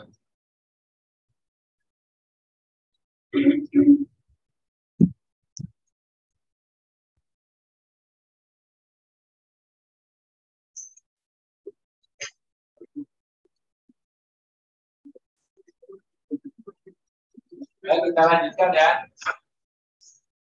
Kalau tadi kita melihat semakin terkait dengan pemasukan barang dan pengeluaran barang ke dan dari kawasan berikat. Sekarang kita melihat bagaimana ketika barang dari kawasan berikat itu akan dikeluarkan dengan tujuan tempat lain dalam dana pabean yang wajib membayar biaya masuk dan pajak rangka impornya. Kita lihat dasarnya nanti untuk biaya masuk kemarin kan tarif dan nilai. Ini perlakuan untuk biaya tarif dan nilai berbeda dengan hitungan kemarin. Ya, jadi ini ada uh, perlakuan terkait dengan uh, tarif dan nilai pabeannya. Nah, untuk pengenaan bea masuk, cukai, pajak dalam rangka impor, barang yang akan dikeluarkan dari kawasan pendidikan dengan tujuan tempat lain dalam dalam pabean itu ada dua opsi. Ya. Yang pertama adalah menggunakan harga penyerahan, harga jual dari uh, kawasan pendidikan ke pembeli di Indonesia. Yang kedua, menggunakan harga pemasukan, harga beli ketika barang masuk ke kawasan pendidikan. Nah, kapan opsi itu dipakai? Nah, kita lihat ada persyaratannya. Nah, apabila menggunakan opsi harga penyerahan, ya, itu perhitungan biaya masuknya dari sisi nilai pabeannya itu menggunakan harga jual saat pengeluaran barang ke tempat lain dalam daerah pabean. Jadi harga jual ke pembeli di Indonesia. Ya, dia membeli ke tempat lain dalam daerah pabean. Itu nilainya. Misalnya harga jual suatu barang katakanlah A itu laku 110 juta, yaitu jadi nilai pabeannya. Kalau menggunakan harga penyerahan. Ya, bagaimana dengan tarifnya? Kemarin masih ingat tarif itu ada berapa jenis? Kan untuk unsur unsur untuk perhitungan biaya masuk tarif dan nilai pabean. Tarif unsurnya ada dua, satu klasifikasi, dua pembebanan. Nah, bagaimana dengan klasifikasinya? Kalau untuk menggunakan harga penyerahan, klasifikasi barang ketika dikeluarkan dari tempat lain dalam dari pabean. Artinya apa? Klasifikasinya ikuti barang jadi. Lihat ya, bahwa untuk kawasan berikat ada proses produksi. Masuk bahan, keluar, berarti dia barang jadi. Jadi ketika nanti menggunakan harga penyerahan, klasifikasi barangnya, tarif pos yang di buku biru ini, itu mengikuti barang barang jadi. Sementara pembebanannya, ya pada saat pemberitaan pabean impor didaftarkan, PIB-nya didaftarkan. Itu mengikuti ketentuan berapa tarif pembebanan yang berlaku saat pengajuan PIB-nya. Ya. Jadi ada di sini kalau kita lihat dengan bahasa yang berbeda maknanya sama. Menggunakan seluruh data yang berlaku ketika barang akan dikeluarkan ke tempat lain dalam pabean. Ya. Bahasanya beda-beda, maknanya sama ya. Menggunakan data saat akan keluar semua. Itu kalau menggunakan harga penyerahan. Itu dari sisi biaya masuk. Cukai berlaku ketentu. Bagaimana dengan pajak dalam rangka impornya? Nah, di sini yang harus diperhatikan adalah untuk pajak dalam rangka impornya yang digunakan sebagai dasar untuk menghitung uh, PDRI adalah harga jual. Bukan nilai impor. Kalau kemarin hitung PDR dari mana? Masih kan nilai impor. Kalau dari sini harga jual. Ya, harga jual dan tarif saat pengeluaran barang ke tempat lain dalam dalam Ya, itu kalau menggunakan harga menyerah.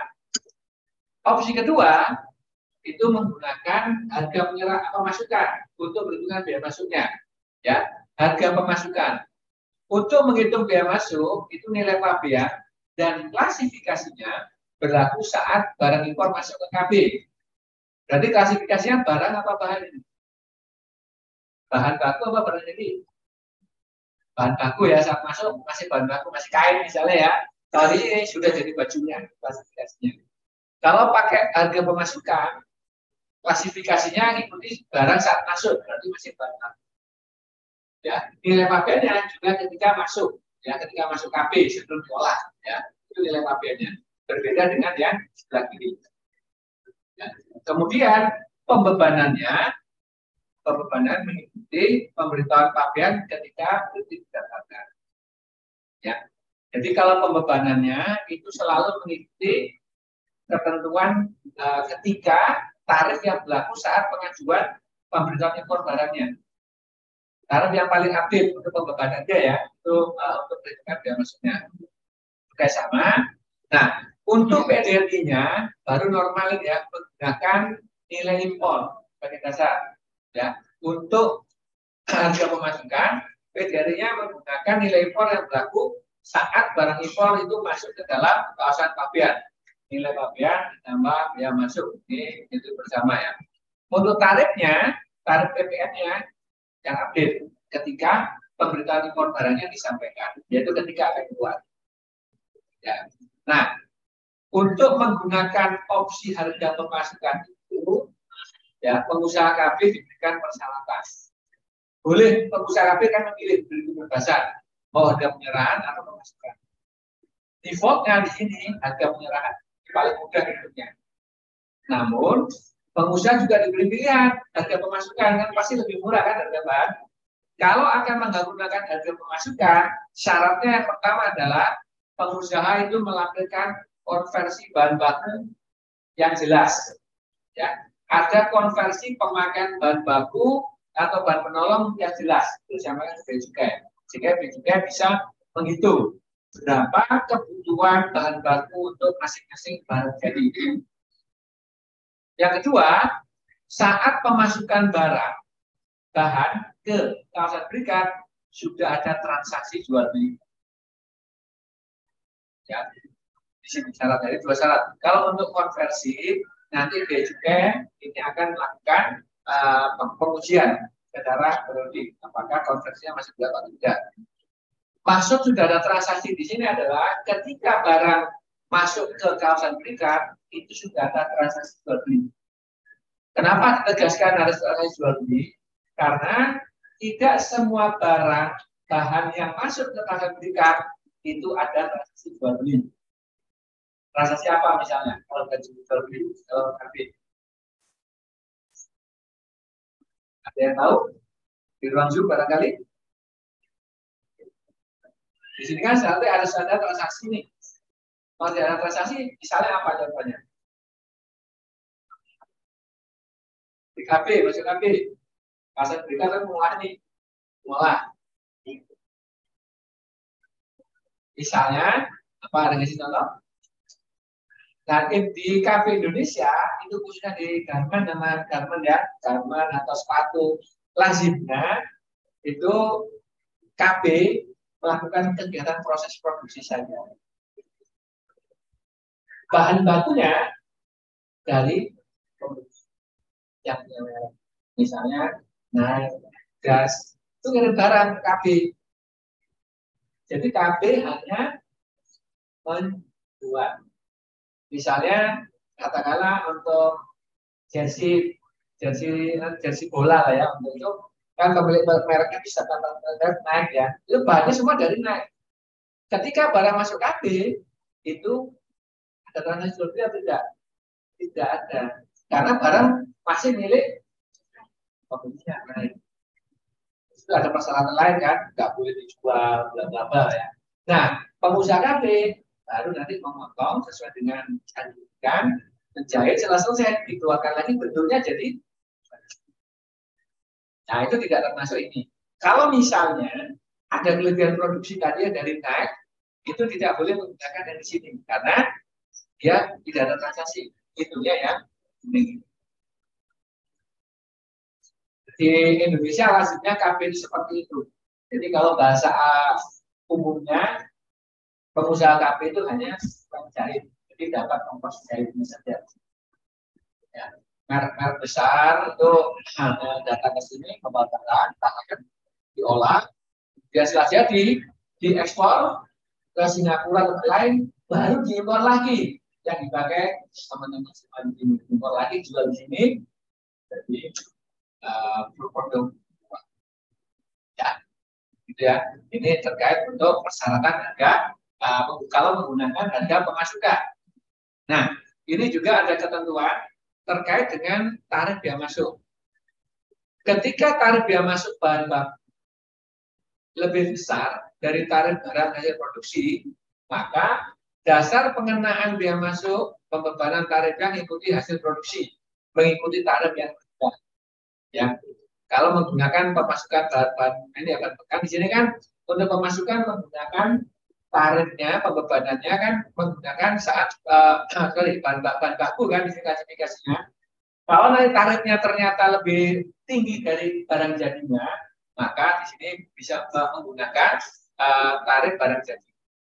Jadi kesempatan untuk ngambil yang terendah untuk perhitungan pembebanannya ya. Kemudian untuk perhitungan biaya masuk, cukai, pajak darmang impornya menggunakan kursnya NDPBM yang ditetapkan oleh Menteri Keuangan ketika pemberitaan impor barangnya didaftarkan. Ya, baru setelah selesai itu di dasar dibayar barang dikeluarkan ke tempat lain dalam untuk konsep perhitungan biaya masuk PDRI barangkali ada yang mau ditanyakan silakan. Barangkali ada yang kurang jelas silakan ditanyakan atau diskusikan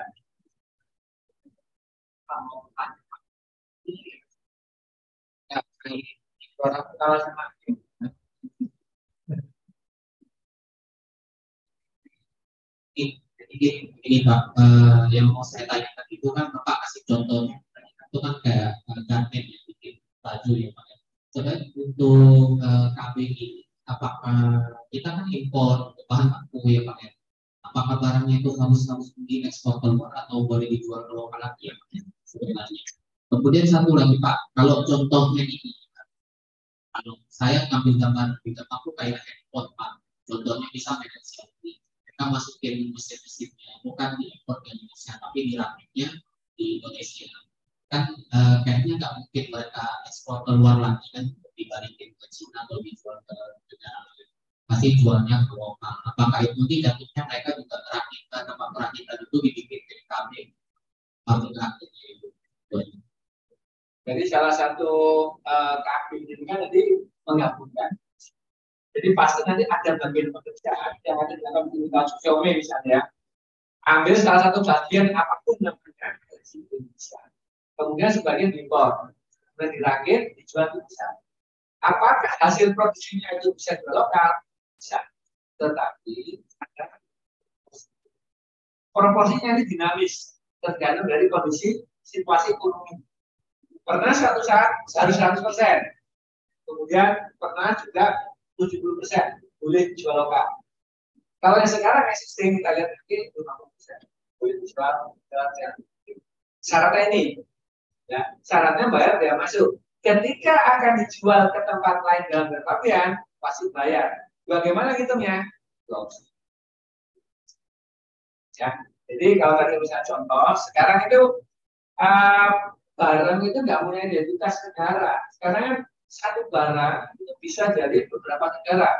Misalnya mobil bagian musuhnya dari Indonesia, begini di Indonesia, nanti pasarnya di ASEAN.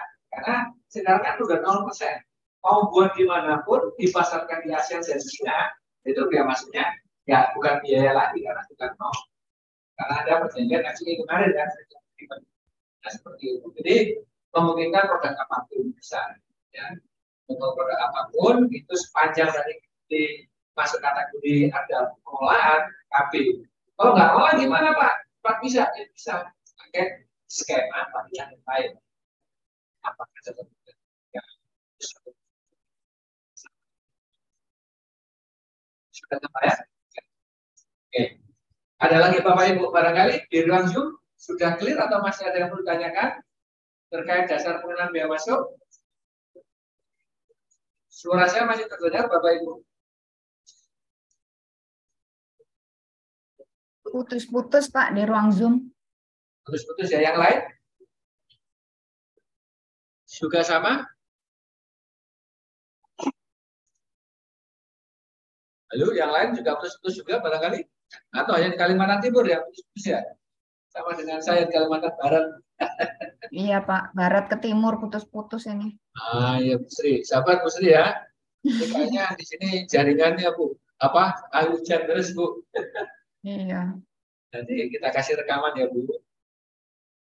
Bu Sri nggak ada pertanyaan Bu Sri? Uh, belum Pak, masih nyimak. Oke. Yang lain barangkali? Kalau tidak ada, kita lanjutkan ya. Nah sekarang ini kita lihat perlakuan kepabianan dan perpajakannya dari gambaran yang besar. Di sini ada empat kategori ya. Kalau dari sisi atas ini ada impor, Ya, saat masuk ke kawasan berikat, ini tadi pada sudah kita bicarakan ya, mendapat fasilitas penangguhan biaya masuk, kemudian pembahasan juga dan itu dari ya kemudian ketika barang asal impor ini di kawasan berikat dikeluarkan dengan tujuan tempat lain dalam daerah pabean kita lihat pembelinya dulu kalau tujuannya untuk impor dipakai maka sebelum dikeluarkan dari kawasan berikat wajib terlebih dulu melunasi bea masuk, cukai dan PDRI. Perhitungannya yang kita bicarakan sebelumnya. Bagaimana menghitung, bagaimana perlakuan nilai pabeannya, klasifikasinya, tarifnya, bagaimana menghitung PDRI-nya kita bicarakan. Itu dalam hal nanti barang dikeluarkan tujuan untuk impor dipakai. Ya, nah ini harus dilunasi dulu. Ya.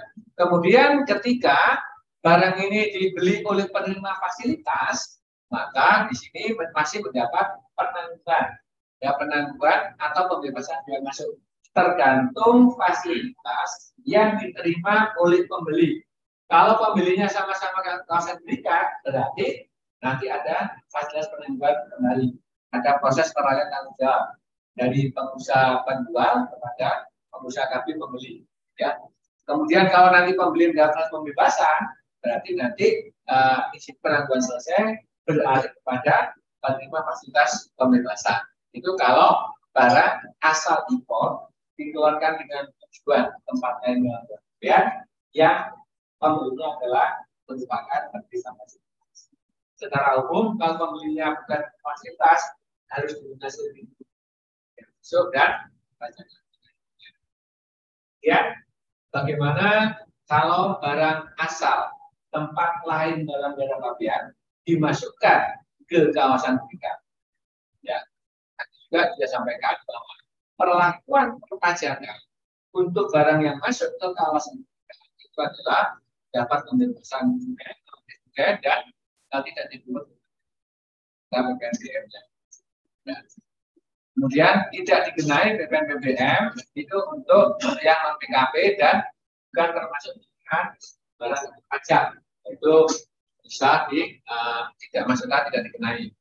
Nah, apabila barang asal tempat lain dalam daerah pabean itu dikeluarkan kembali ke tempat lain dalam daerah pabean, ya barang lokal IKB dikeluarkan tujuan lokal lagi, maka sebelum keluar ya kalau tujuan untuk dipakai maka wajib melunasi dulu BPM, BPM, BPM. Ya, di sini ada kewajiban dari pengusaha KB untuk. Ya. Untuk penyerahan BKP tetap disebut. Ya. Kalau untuk uh, untuk uh, yang penyambungan bukan BKP untuk NPM-nya juga tidak dinaik bukan NPM. Ya. non PKP. Sementara kalau untuk pengeluaran barang impor ya dari KP dengan tujuan ke kawasan bebas yang mendapat izin usaha dari badan pengelola maka diberikan pembebasan biaya masuk, cukai dan tidak impor. Nah, untuk perlakuan perpajakan barangkali ada yang mau diskusikan, silakan Bapak Ibu.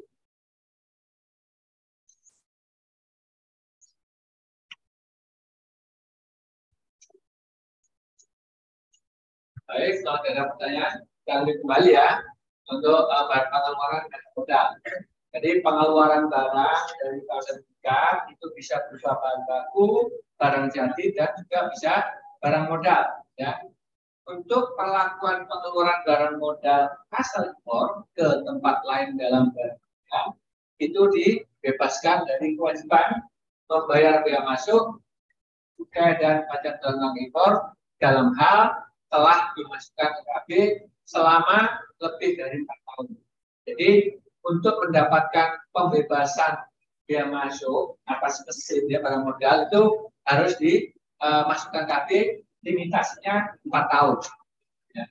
Empat tahun itu bisa dikeluarkan dari KB dengan tujuan jual mendapatkan tanpa membayar biaya masuk dan pajak Nah kemudian untuk pengeluaran barang eh, terkait barang modal yang berapa pembebasan yang masuk di KPM ini kan jadi ketentuan BKPM. Jadi di KB itu ada pemasukan darah yang masuk, uh, masuk tanpa fasilitas BKPM. Kalau masuk pada BKPM berarti dia ikuti ketentuan yang nanti BKPM ya. Nah kalau untuk uh, apa terkait dengan BKPM yang masuk KB ini pengusaha dibebaskan dari kewajiban dan masuk apabila dimasukkan KB sama 4 tahun atau kalau dari sisi importasinya itu dibutuhkan BKPM itu 5 tahun. Impor 5 tahun ke atas. Kalau nanti pendekatannya dasarnya masuk KB 5 tahun.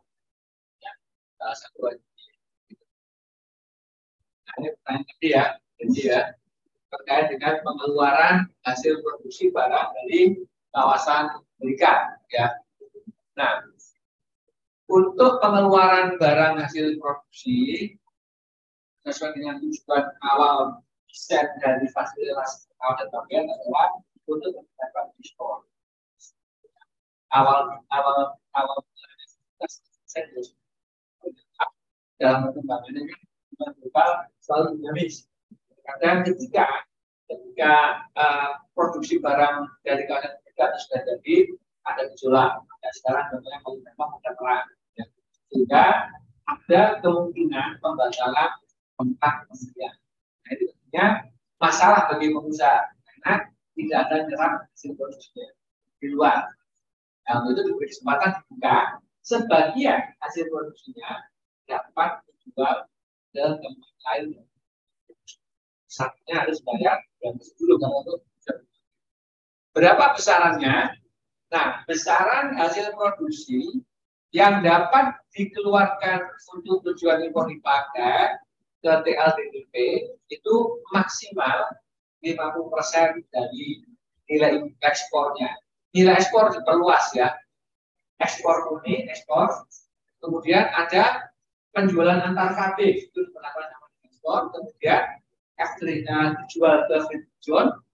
Kemudian di uh, juga ke kawasan ekonomi khusus maupun ke uh, kawasan ekonomi lainnya. Ya, jadi di sini akumulasi penjualan setelah tahun tahun sebelumnya ya, tahun realisasi tahun sebelumnya penjualan ke berapa kategori ini ya, ekspor, antar KB, free zone, KIK, kawasan ekonomi khusus. Ya.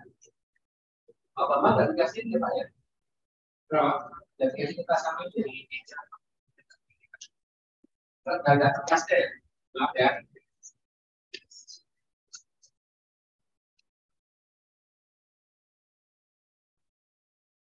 Ini contoh tadi itu ya.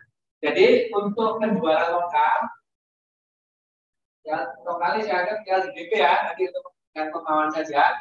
Cuman terminologi aturan itu tepat lain dalam daerah tabian ya.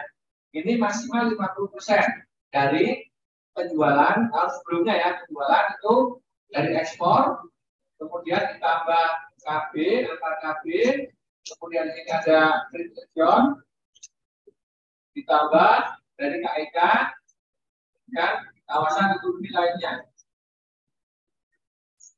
Contoh misalnya ya, penjualan ekspor katakanlah ada 10 ekspor 10 kemudian penjualan dari coverage region misalnya katakanlah 20 ke KEK 10 kawasan ekonomi lainnya misalnya ada juga penjualan KB 10 maka untuk menghitung ini data tahun sebelumnya ya ini adalah data-data tahun sebelumnya sebagai dasar Katakanlah ini data tahun 2022. Maka di tahun 2023 pengusaha kafe dapat menjual lokal sebesar 50 persen dari total. Totalnya berapa ini? Berarti ya 50 kali jadi sebesar 30 ini dapat dijual hasil produksi KB sebesar 30 ini dapat dijual dengan LDP tahun 2019. Maksimal ya. Terkadang nanti di data, ini misalnya ada penjualan di LDP, misalnya LDP sebesar 50. Ini nggak usah dihitung. ya. Nanti harus diidentifikasi uh, mana yang masuk dalam kategori uh, apa kategori ekspor kelompok ekspor. Ya, ini ya ekspor antar KB, John, KIK, kawasan industri lainnya. Kalau ada penjualan lokal yang dimasukkan untuk itu realisasi tahun sebelumnya. Ya, kalau soal ya. Jadi ini maksimum 50 persen. Pertanyaannya bagaimana kalau misalnya ternyata perusahaan itu karena kondisi tertentu ya ingin menjual lebih dari 50 itu bisa dilakukan sepanjang nanti mendapat rekomendasi dari sektor usahanya. Siapa itu? Kementerian jadi sepanjang nanti Kementerian Perindustrian itu merekomendasikan lebih dari 50, nanti BPD akan memberikan persetujuan. Kalau ada pengeluaran barang, tujuan tempat lain dalam melebihi 50% tanpa ada persetujuan KKB, pemberi fasilitas, maka nanti itu dilakukan pengurangan jumlah penjualan untuk periode berikutnya. Ya. Kalau nanti masih ada lebih batas lagi, baru dilakukan pembukuan. Dibukukan dulu atau dibukukan dua lokal, dibekukan izin KB-nya selama tiga bulan setiap tahun. Ya, itu terkait dengan pengeluaran hasil produksi untuk uh, tujuan tempat lain dalam BPPN. Untuk PPT ini barangkali ada yang mau ditanyakan, silakan.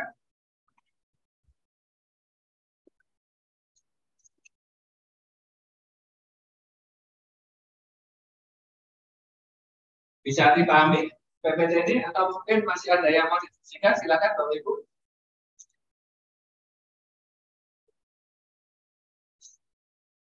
Baik, kalau tidak ada kita lanjutkan ya.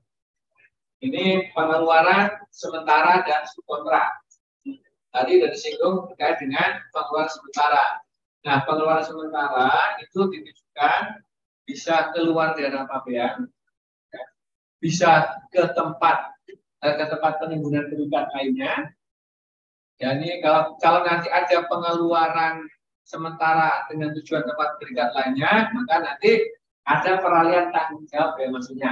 Kalau tadi kita bicara tanggung jawab yang masuk melekat pada usaha yang mendapat kawasan sertifikat, ketika ada pengeluaran ke tempat pengembangan lainnya, maka ada pilihan tanggung jawab dari perusahaan pengirim begitu barang sampai nanti tanggung jawab yang masuknya beralih pada perusahaan penerima. Ya, untuk kepentingan subkontrak, kegiatan ekspor dapat langsung dilakukan oleh pengusaha pemberi subkontrak dari lokasi tempat subkontrak. Nah ini ada satu kemudahan lagi dari pemerintah kepada pengusaha KB ya melakukan sebagian masuk kontrakan sebagai kegiatannya ada tempat lain ya. KB lain menerima fasilitas ya.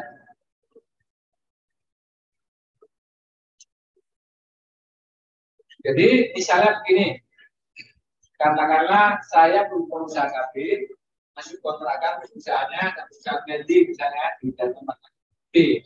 Maka begitu selesai pekerjaan di tempat Wendy tadi, tidak mesti barangnya dikembalikan ke saya.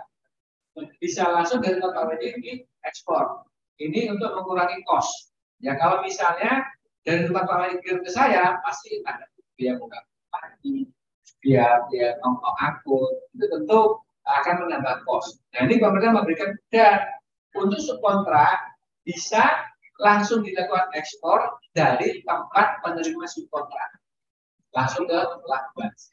Ya, itu terkait dengan pengelolaan untuk subkontrak. Nah kemudian tadi tujuan luar sementara bisa juga ke kawasan bebas, ya bisa juga ke tempat lain dalam apian.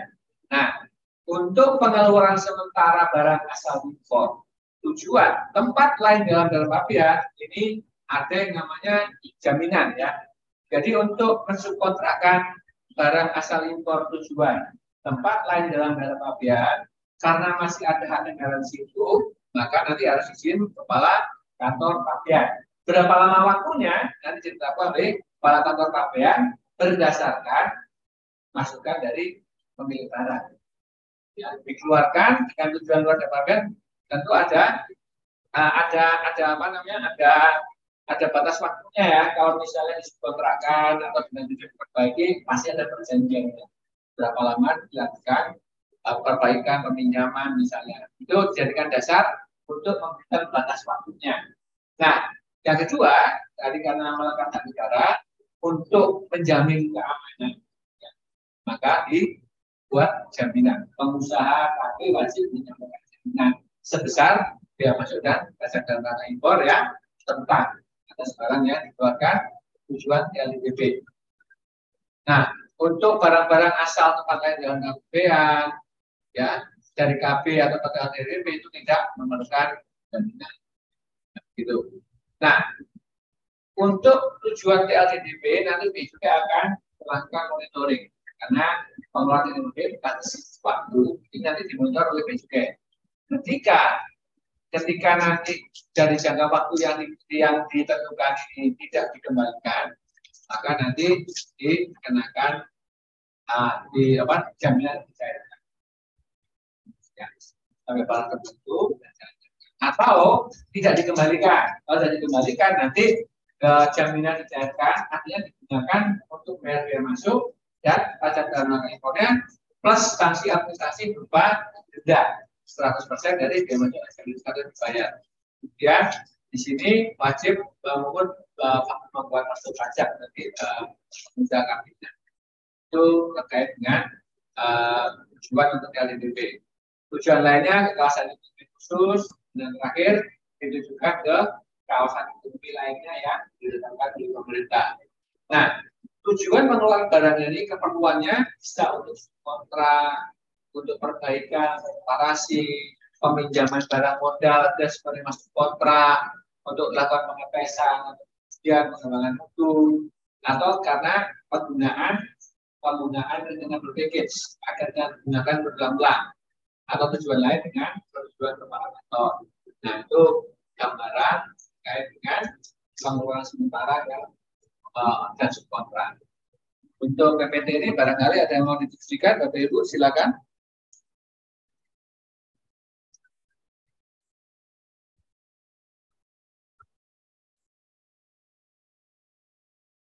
Pontianak ini KB-nya ada berapa ya?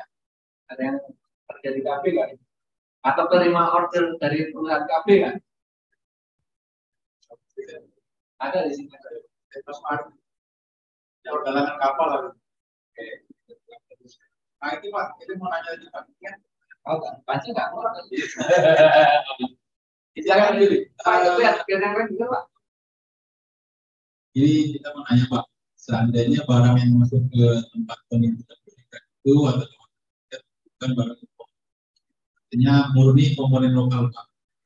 Itu diekspor. Bisa kita mengatakan kawasan ini menjadi tempat perlindungan militer atau seperti kan contohnya ini uh, itu uh, asalnya dari domestik di dalam dan kemudian dimurnikan kawasan berikat untuk diekspor.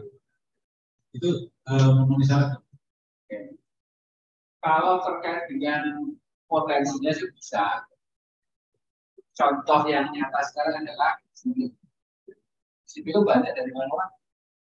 Kawasan dalam negeri. CPO kan sebenarnya biasa kepunya di Indonesia. Nah, karena ada internet yang pas, maka pendirian uh, pabrik CPO menggunakan naskah dan masih berbeda. Jadi kalau nanti terkait hilirisasi, kalau misalnya Pak itu uh, menggunakan KB, fungsi. Maka kalau itu hilirisasi, ada identifier yang juga menarik. Kemarin, maksudnya ya masuk uh, dibebaskan Cuman minusnya ketika nanti uh, pengunjungan bahan-bahan teknolog itu nanti sudah berjalan ya. Kalau kami kan selalu dilakukan terus. Nah nanti sebelum memilih mana yang cocok harus di uh, dilihat dulu terlebih dulu nanti proses bisnisnya seperti apa, kebutuhan-kebutuhan barang asal impornya seberapa besar, baru ditentukan mana fasilitas yang pas untuk industri boksit Jadi kalau saya kemungkinan memungkinkan jalan diberi opsi dari fasilitas yang lain harusnya untuk fasilitas pendidikan atau pendidikan industri itu memungkinkan. Itu ya. Ada lagi Bapak Ibu?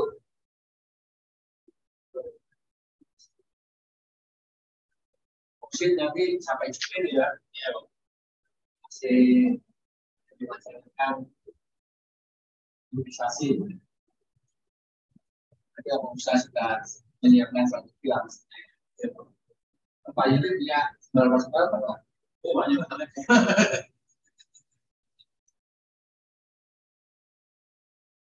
Apa ya? Tapi pakai sekolah lewat pembina ya. Itu apa? Nah itu yang terjadi sekarang. Yang terjadi sekarang. Itu kalau saya sepertinya mereka sudah menjadi kawasan berikat karena bisa Profesor langsung di sana. Ya. Orangnya itu lokal saya nggak tahu sih mungkin ada ada komponen impor juga komponennya ya langsung nggak mesti harus ada kawasan berikat jadi dari dari pelabuhan khusus juga bisa. Dia punya punya dermaga kasih sih kalau perusahaan tambah punya pelabuhan khususnya itu masuk dari kalau sepanjang statusnya belum kawasan pakaian, dan setiap kali ada kegiatan ekspor, izin tetap. Kan biasanya kalau barang-barang seperti oksigen pasti kapalnya langsung kapal besar datang ambil. Mungkin kan, jadi tidak mesti harus kawasan pakaian. Makanya fasilitas sediakan pemerintah itu banyak. Cuma apakah ada yang cocok dengan tidak? Atau kalau ada, mana yang lebih cocok dengan kebutuhan masing-masing besar. Tentunya berbeda-beda.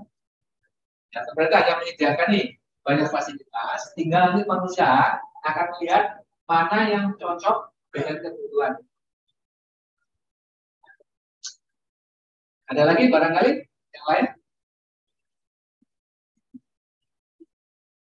Yeah.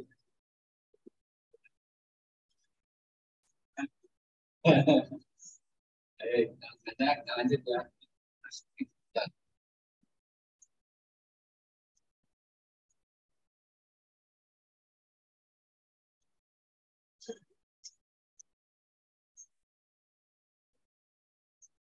ini sekarang ketentuan pengeluaran sementara ke tempat lain dengan berkapian untuk subkontrak.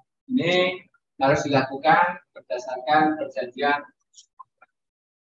Kemudian batas waktu ini mengikuti perjanjian subkontraknya ya. Jadi ketika ada subkontrak pasti dirimu perjanjian. Nah, nanti ketika Bea Cukai akan menetapkan jangka waktu pengulangan sementara itu merujuk pada perjanjian subkontrak yang antara KB dengan penerima subkontrak. Kemudian nanti Bea Cukai akan melakukan pemeriksaan ya di awal ketika akan keluar kawasan berikat dan ketika barang dimasukkan kembali ke kawasan berikat. Jadi keluar dan masuk nanti di dua-duanya dilakukan pemeriksaan oleh uh. Nah, terkait dengan subkontrak, ini penerima subkontrak di tempat lain dalam KPA itu juga dapat menambahkan barang, ya, menambahkan barang untuk kepentingan pekerjaan subkontrak. Misalnya, saya selalu kasih tahu baju biar gampang ya, kan semua pakai baju. Misalnya ada subkontrak pemasangan kancing. Kancingnya berasal dari penerima subkontrak. Maka ketika barang akan masuk KB, nanti dibuatkan pemerintahan tabel untuk kancingnya. Ya, kancing asal tempat lain dalam daerah tabel. Misalkan BC 40. Kalau barang dari tempat lain dalam daerah tabel masuk ke KB, menggunakan jadi semua barang nanti keluarnya terikat oleh bea cukai, bea bisa terakhir. Ya. Kemudian pengusaha KB dan PDKB dapat meminjamkan barang modalnya untuk menerima subkontrak. Jadi ya, saya singgung ya terkait subkontrak tentunya nanti pemberi pemberi subkontrak itu akan mempertimbangkan kualitas. Ketika penerima subkontrak mungkin tidak memiliki mesin yang sesuai standar lingkungan pemberi kerja, maka dapat meminjamkan mesinnya dan menerima subkontrak. Itu kira-kira ya. Nah, kemudian di sisi lain, pengusaha KB atau pengusaha di kawasan juga itu dapat menerima pekerjaan dari badan usaha di tempat lain dalam dan KPA. Bisa berupa subkontrak, bisa juga menerima pekerjaan perbaikan atau reparasi atau pekerjaan lain ya setelah mendapat persetujuan dari kepala kantor KPN yang mengawasi kegiatan di kawasan tingkat yang bersangkutan. Ya. Nah, ketika nanti barang keluar masuk itu uh, apabila ada tambahan barang ya memungkinkan dari misalnya untuk perbaikan ada tambahan bisa setempat atau apa pun itu dimatilambahkan kepada barang yang diperbaiki maka nanti dibuatkan dokumen pengeluaran dilihat nanti tambahan barang apakah berasal dari impor atau asal dari DP. Kalau yang ditambahkan itu barang asal dari DP, saat akan keluar nanti dimasukkan ke BC 41 ya untuk pengeluaran barang dari KB ke jalur. Ya, itu kira-kira ya.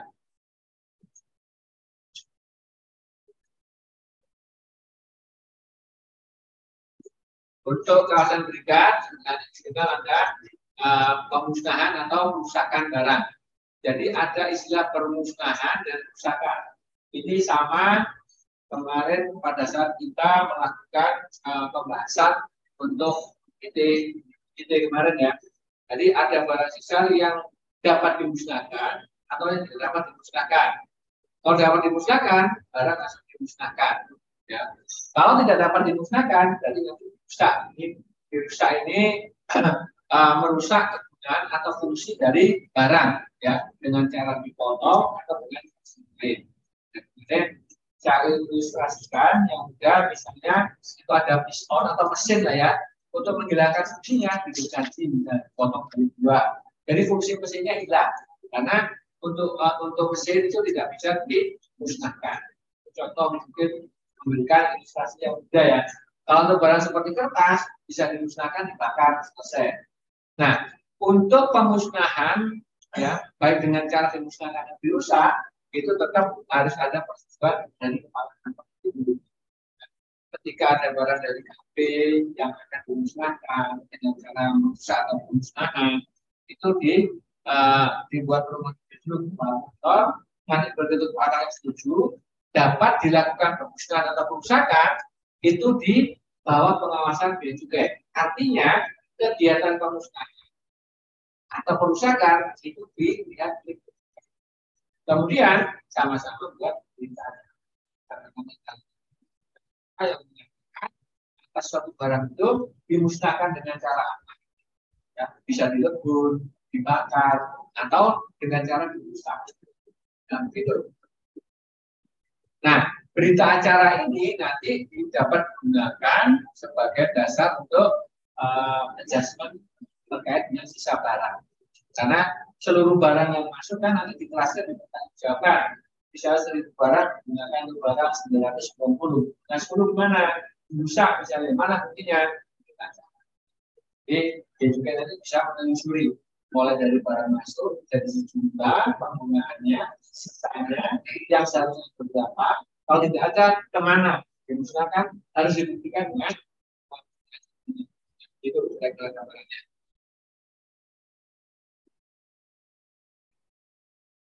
Nah terkait dengan pemusnahan ini apabila nanti uh, pengempa untuk sisa pengemas dan limbah itu pemusnahannya dilakukan di lingkungan kawasan berikat tidak perlu dibuatkan lingkungan. Nah khusus untuk limbah ya, masam sisa emas dan limbahnya, bukan barang dan bahan. Sampai di sini barangkali ada yang mau didiskusikan, silakan.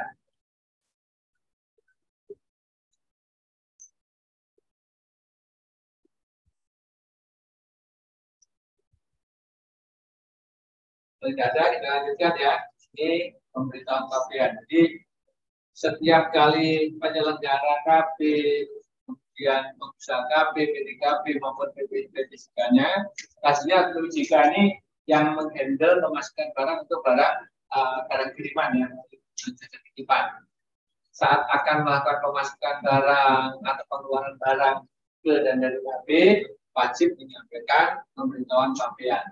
Ya, pakaian, kemudian nanti untuk pengeluaran barang sisa pengemas juga nanti uh, dibuatkan laporan ya uh, untuk barang-barang sisa pengemas tidak perlu di, uh, dibuatkan uh, pemerintahan dan cukup menyampaikan laporan.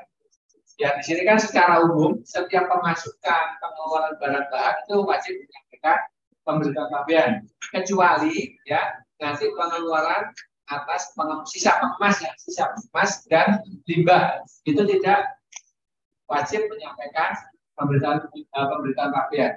Cuma wajib menyampaikan laporan ya laporan kepada petugas bea cukai yang melakukan pengawasan di kawasan tingkat yang bersangkutan.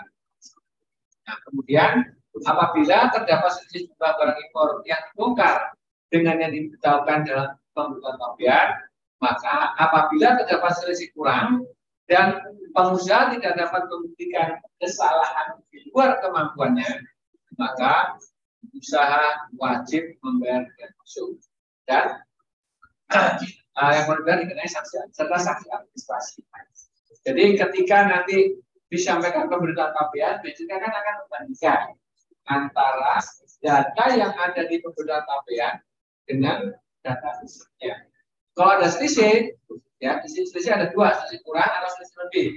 Nanti Bea juga akan melakukan pemeriksaan lebih lanjut. Kenapa terjadi selisih? Apakah ada alasan khusus terkait dengan selisih ini? Kalau tidak bisa dibuktikan uh, kesalahan dan kemampuannya, nanti wajib bayar bea masuk plus sanksi. Itu kalau kurang. Kalau lebih, ya, dan pengusaha tidak dapat membuktikan kesalahan di luar kemampuannya, maka dikenai sanksi saja. Ya karena masih ada di, di sama dengan pengakuan untuk barang bongkar ya. Bongkar dari dari bagian dari salah pengangkut ya. Ada selisih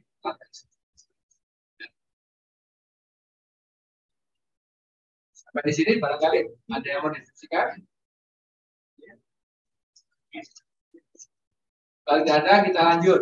Ini sama dengan ide kemarin ya untuk jenis fasilitas pembelian izin apa pun itu juga itu nanti dilakukan monitor evaluasi dan hasilnya nanti bisa ditentukan untuk melakukan uh, langkah lebih lanjut misalnya pembekuan di sini ya ada pembekuan. Pembekuan ini bisa berasal dari hasil pemeriksaan maupun hasil audit yang dilakukan oleh bea cukai ya di sini misalnya perusahaan berdasarkan model bea atau audit itu melakukan kegiatan yang menyimpang dari izin berdasarkan permulaan yang cukup. Ya ini dibekukan lebih dulu. Karena di sini masih uh, ada kegiatan menyimpang di permulaan. Artinya ini masih ada pemeriksaan lanjutannya. Dibekukan lebih dulu uh, izinnya. Yang kedua perusahaan menunjukkan ketidakmampuan dalam menyelenggarakan atau mengusahakan KB. Nah, yang ketiga, di sini profil risiko layanan tinggi selama tiga periode berturut-turut. Periodisasi untuk mengupdate profil risiko itu enam bulan. Nah, selama, selama tiga kali berturut nanti hingga ke enam bulan. Itu profil risiko tidak berubah, selalu tinggi. Artinya di sini ada ada ada apa namanya ada perilaku dari perusahaan yang tidak menerima obligasi dari Ya, jika turun-turun tidak dilakukan, maka dilakukan pembelian pembukuan izin. Ya, tinggal izin masuk dibekukan kalau yang atas tadi untuk pemeriksaan lanjutan. Kalau ternyata tidak terbukti melakukan kegiatan menyimpang izin, maka pembekuannya dicabut. Artinya izin berlaku. Kemudian ketika nanti berdasarkan penilaian dia juga ternyata perusahaan sudah mampu kembali menyelenggarakan KP, izinnya diberlakukan. Ya. Kemudian untuk yang tiga profil berturut ini tidak lupa, tinggi terus. Kemudian ternyata diberi, eh, setelah diberikan uh, pembukuan ini ada perubahan profil, maka nanti uh, diberlakukan kembali. Ya. Untuk pembekuan izin ini dilakukan oleh kepala kementerian. Tadi yang memberikan izin siapa? Ingat?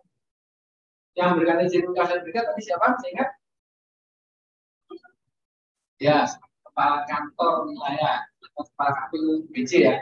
Kalau untuk membekukan kepala kantor pakaian, ya membekukan saja sementara ini adalah sedikit. Nah, konsekuensinya jika yang penyelenggara dibekukan, maka pengusaha KP juga bukan. Tadi kan penyelenggara yang melakukan nih tempatnya dibekukan, kegiatan di dalamnya ikut dibekukan. Yang kedua, PDKP dalam kami di, eh, dalam ini maka pembekuan untuk penyelenggara lebih dari tiga bulan. Kalau untuk penyelenggara tiga bulan ya.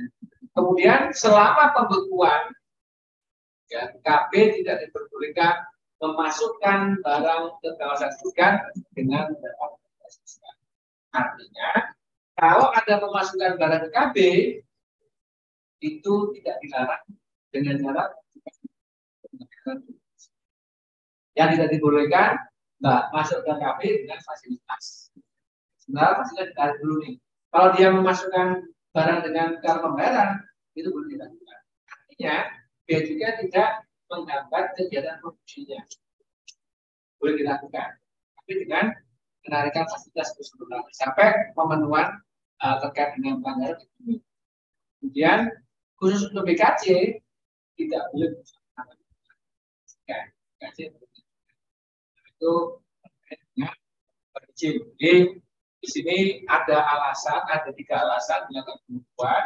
Kemudian pembukuan ini nanti bisa dilanjutkan dengan adanya apa pemberlakuan kembali. Kemudian konsekuensi dari pembukuan itu uh, tidak dapat melakukan kegiatan importasi barang dengan ya. Jadi kalau pembukuan sampai di sini barangkali ada yang mau didiskusikan.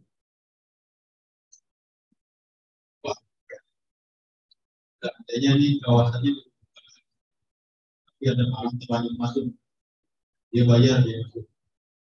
Dan karena ada perbaikan, nanti intinya di itu bisa restitusikan dia masuk kalau yang sudah lanjut masuk bisa distribusi pak. Jadi kalau untuk di kawasan tiga tidak ada dan seperti PT. Kalau PT kan kemarin ada proses tuh dibayar dulu, setelah diekspor baru dari di Nah, ini kan masuk kan karena kecelakaan bang, karena ada pelanggaran, karena udah terlanjur harus produksi, tetap dia impor bahan Kayak itu pakai mekanisme perusahaan. Ya. Jadi ketika bahan asal importasi barat di di maksudnya diolah kemudian nanti diekspor tidak bisa dikirim karena di kawasan kita skema fiskalnya berbeda hanya pengangguran artinya saat masuk tidak bayar kalau sebenarnya beda dengan format kita kemarin ya ada skema jadi konsekuensi dari pembekuan itu uh, uh, sorry, perusahaan saat memasukkan bahan selama pembekuan masih sedang tidak dapat ketika hasil produksinya itu dibayar. Ada lagi barangkali?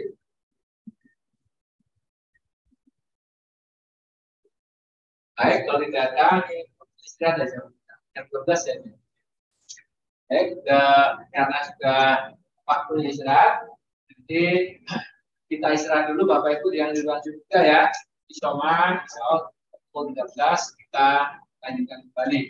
Terima kasih, selamat istirahat dan insya Allah kita nanti 13.00 eh, lanjutkan kembali. Terima kasih.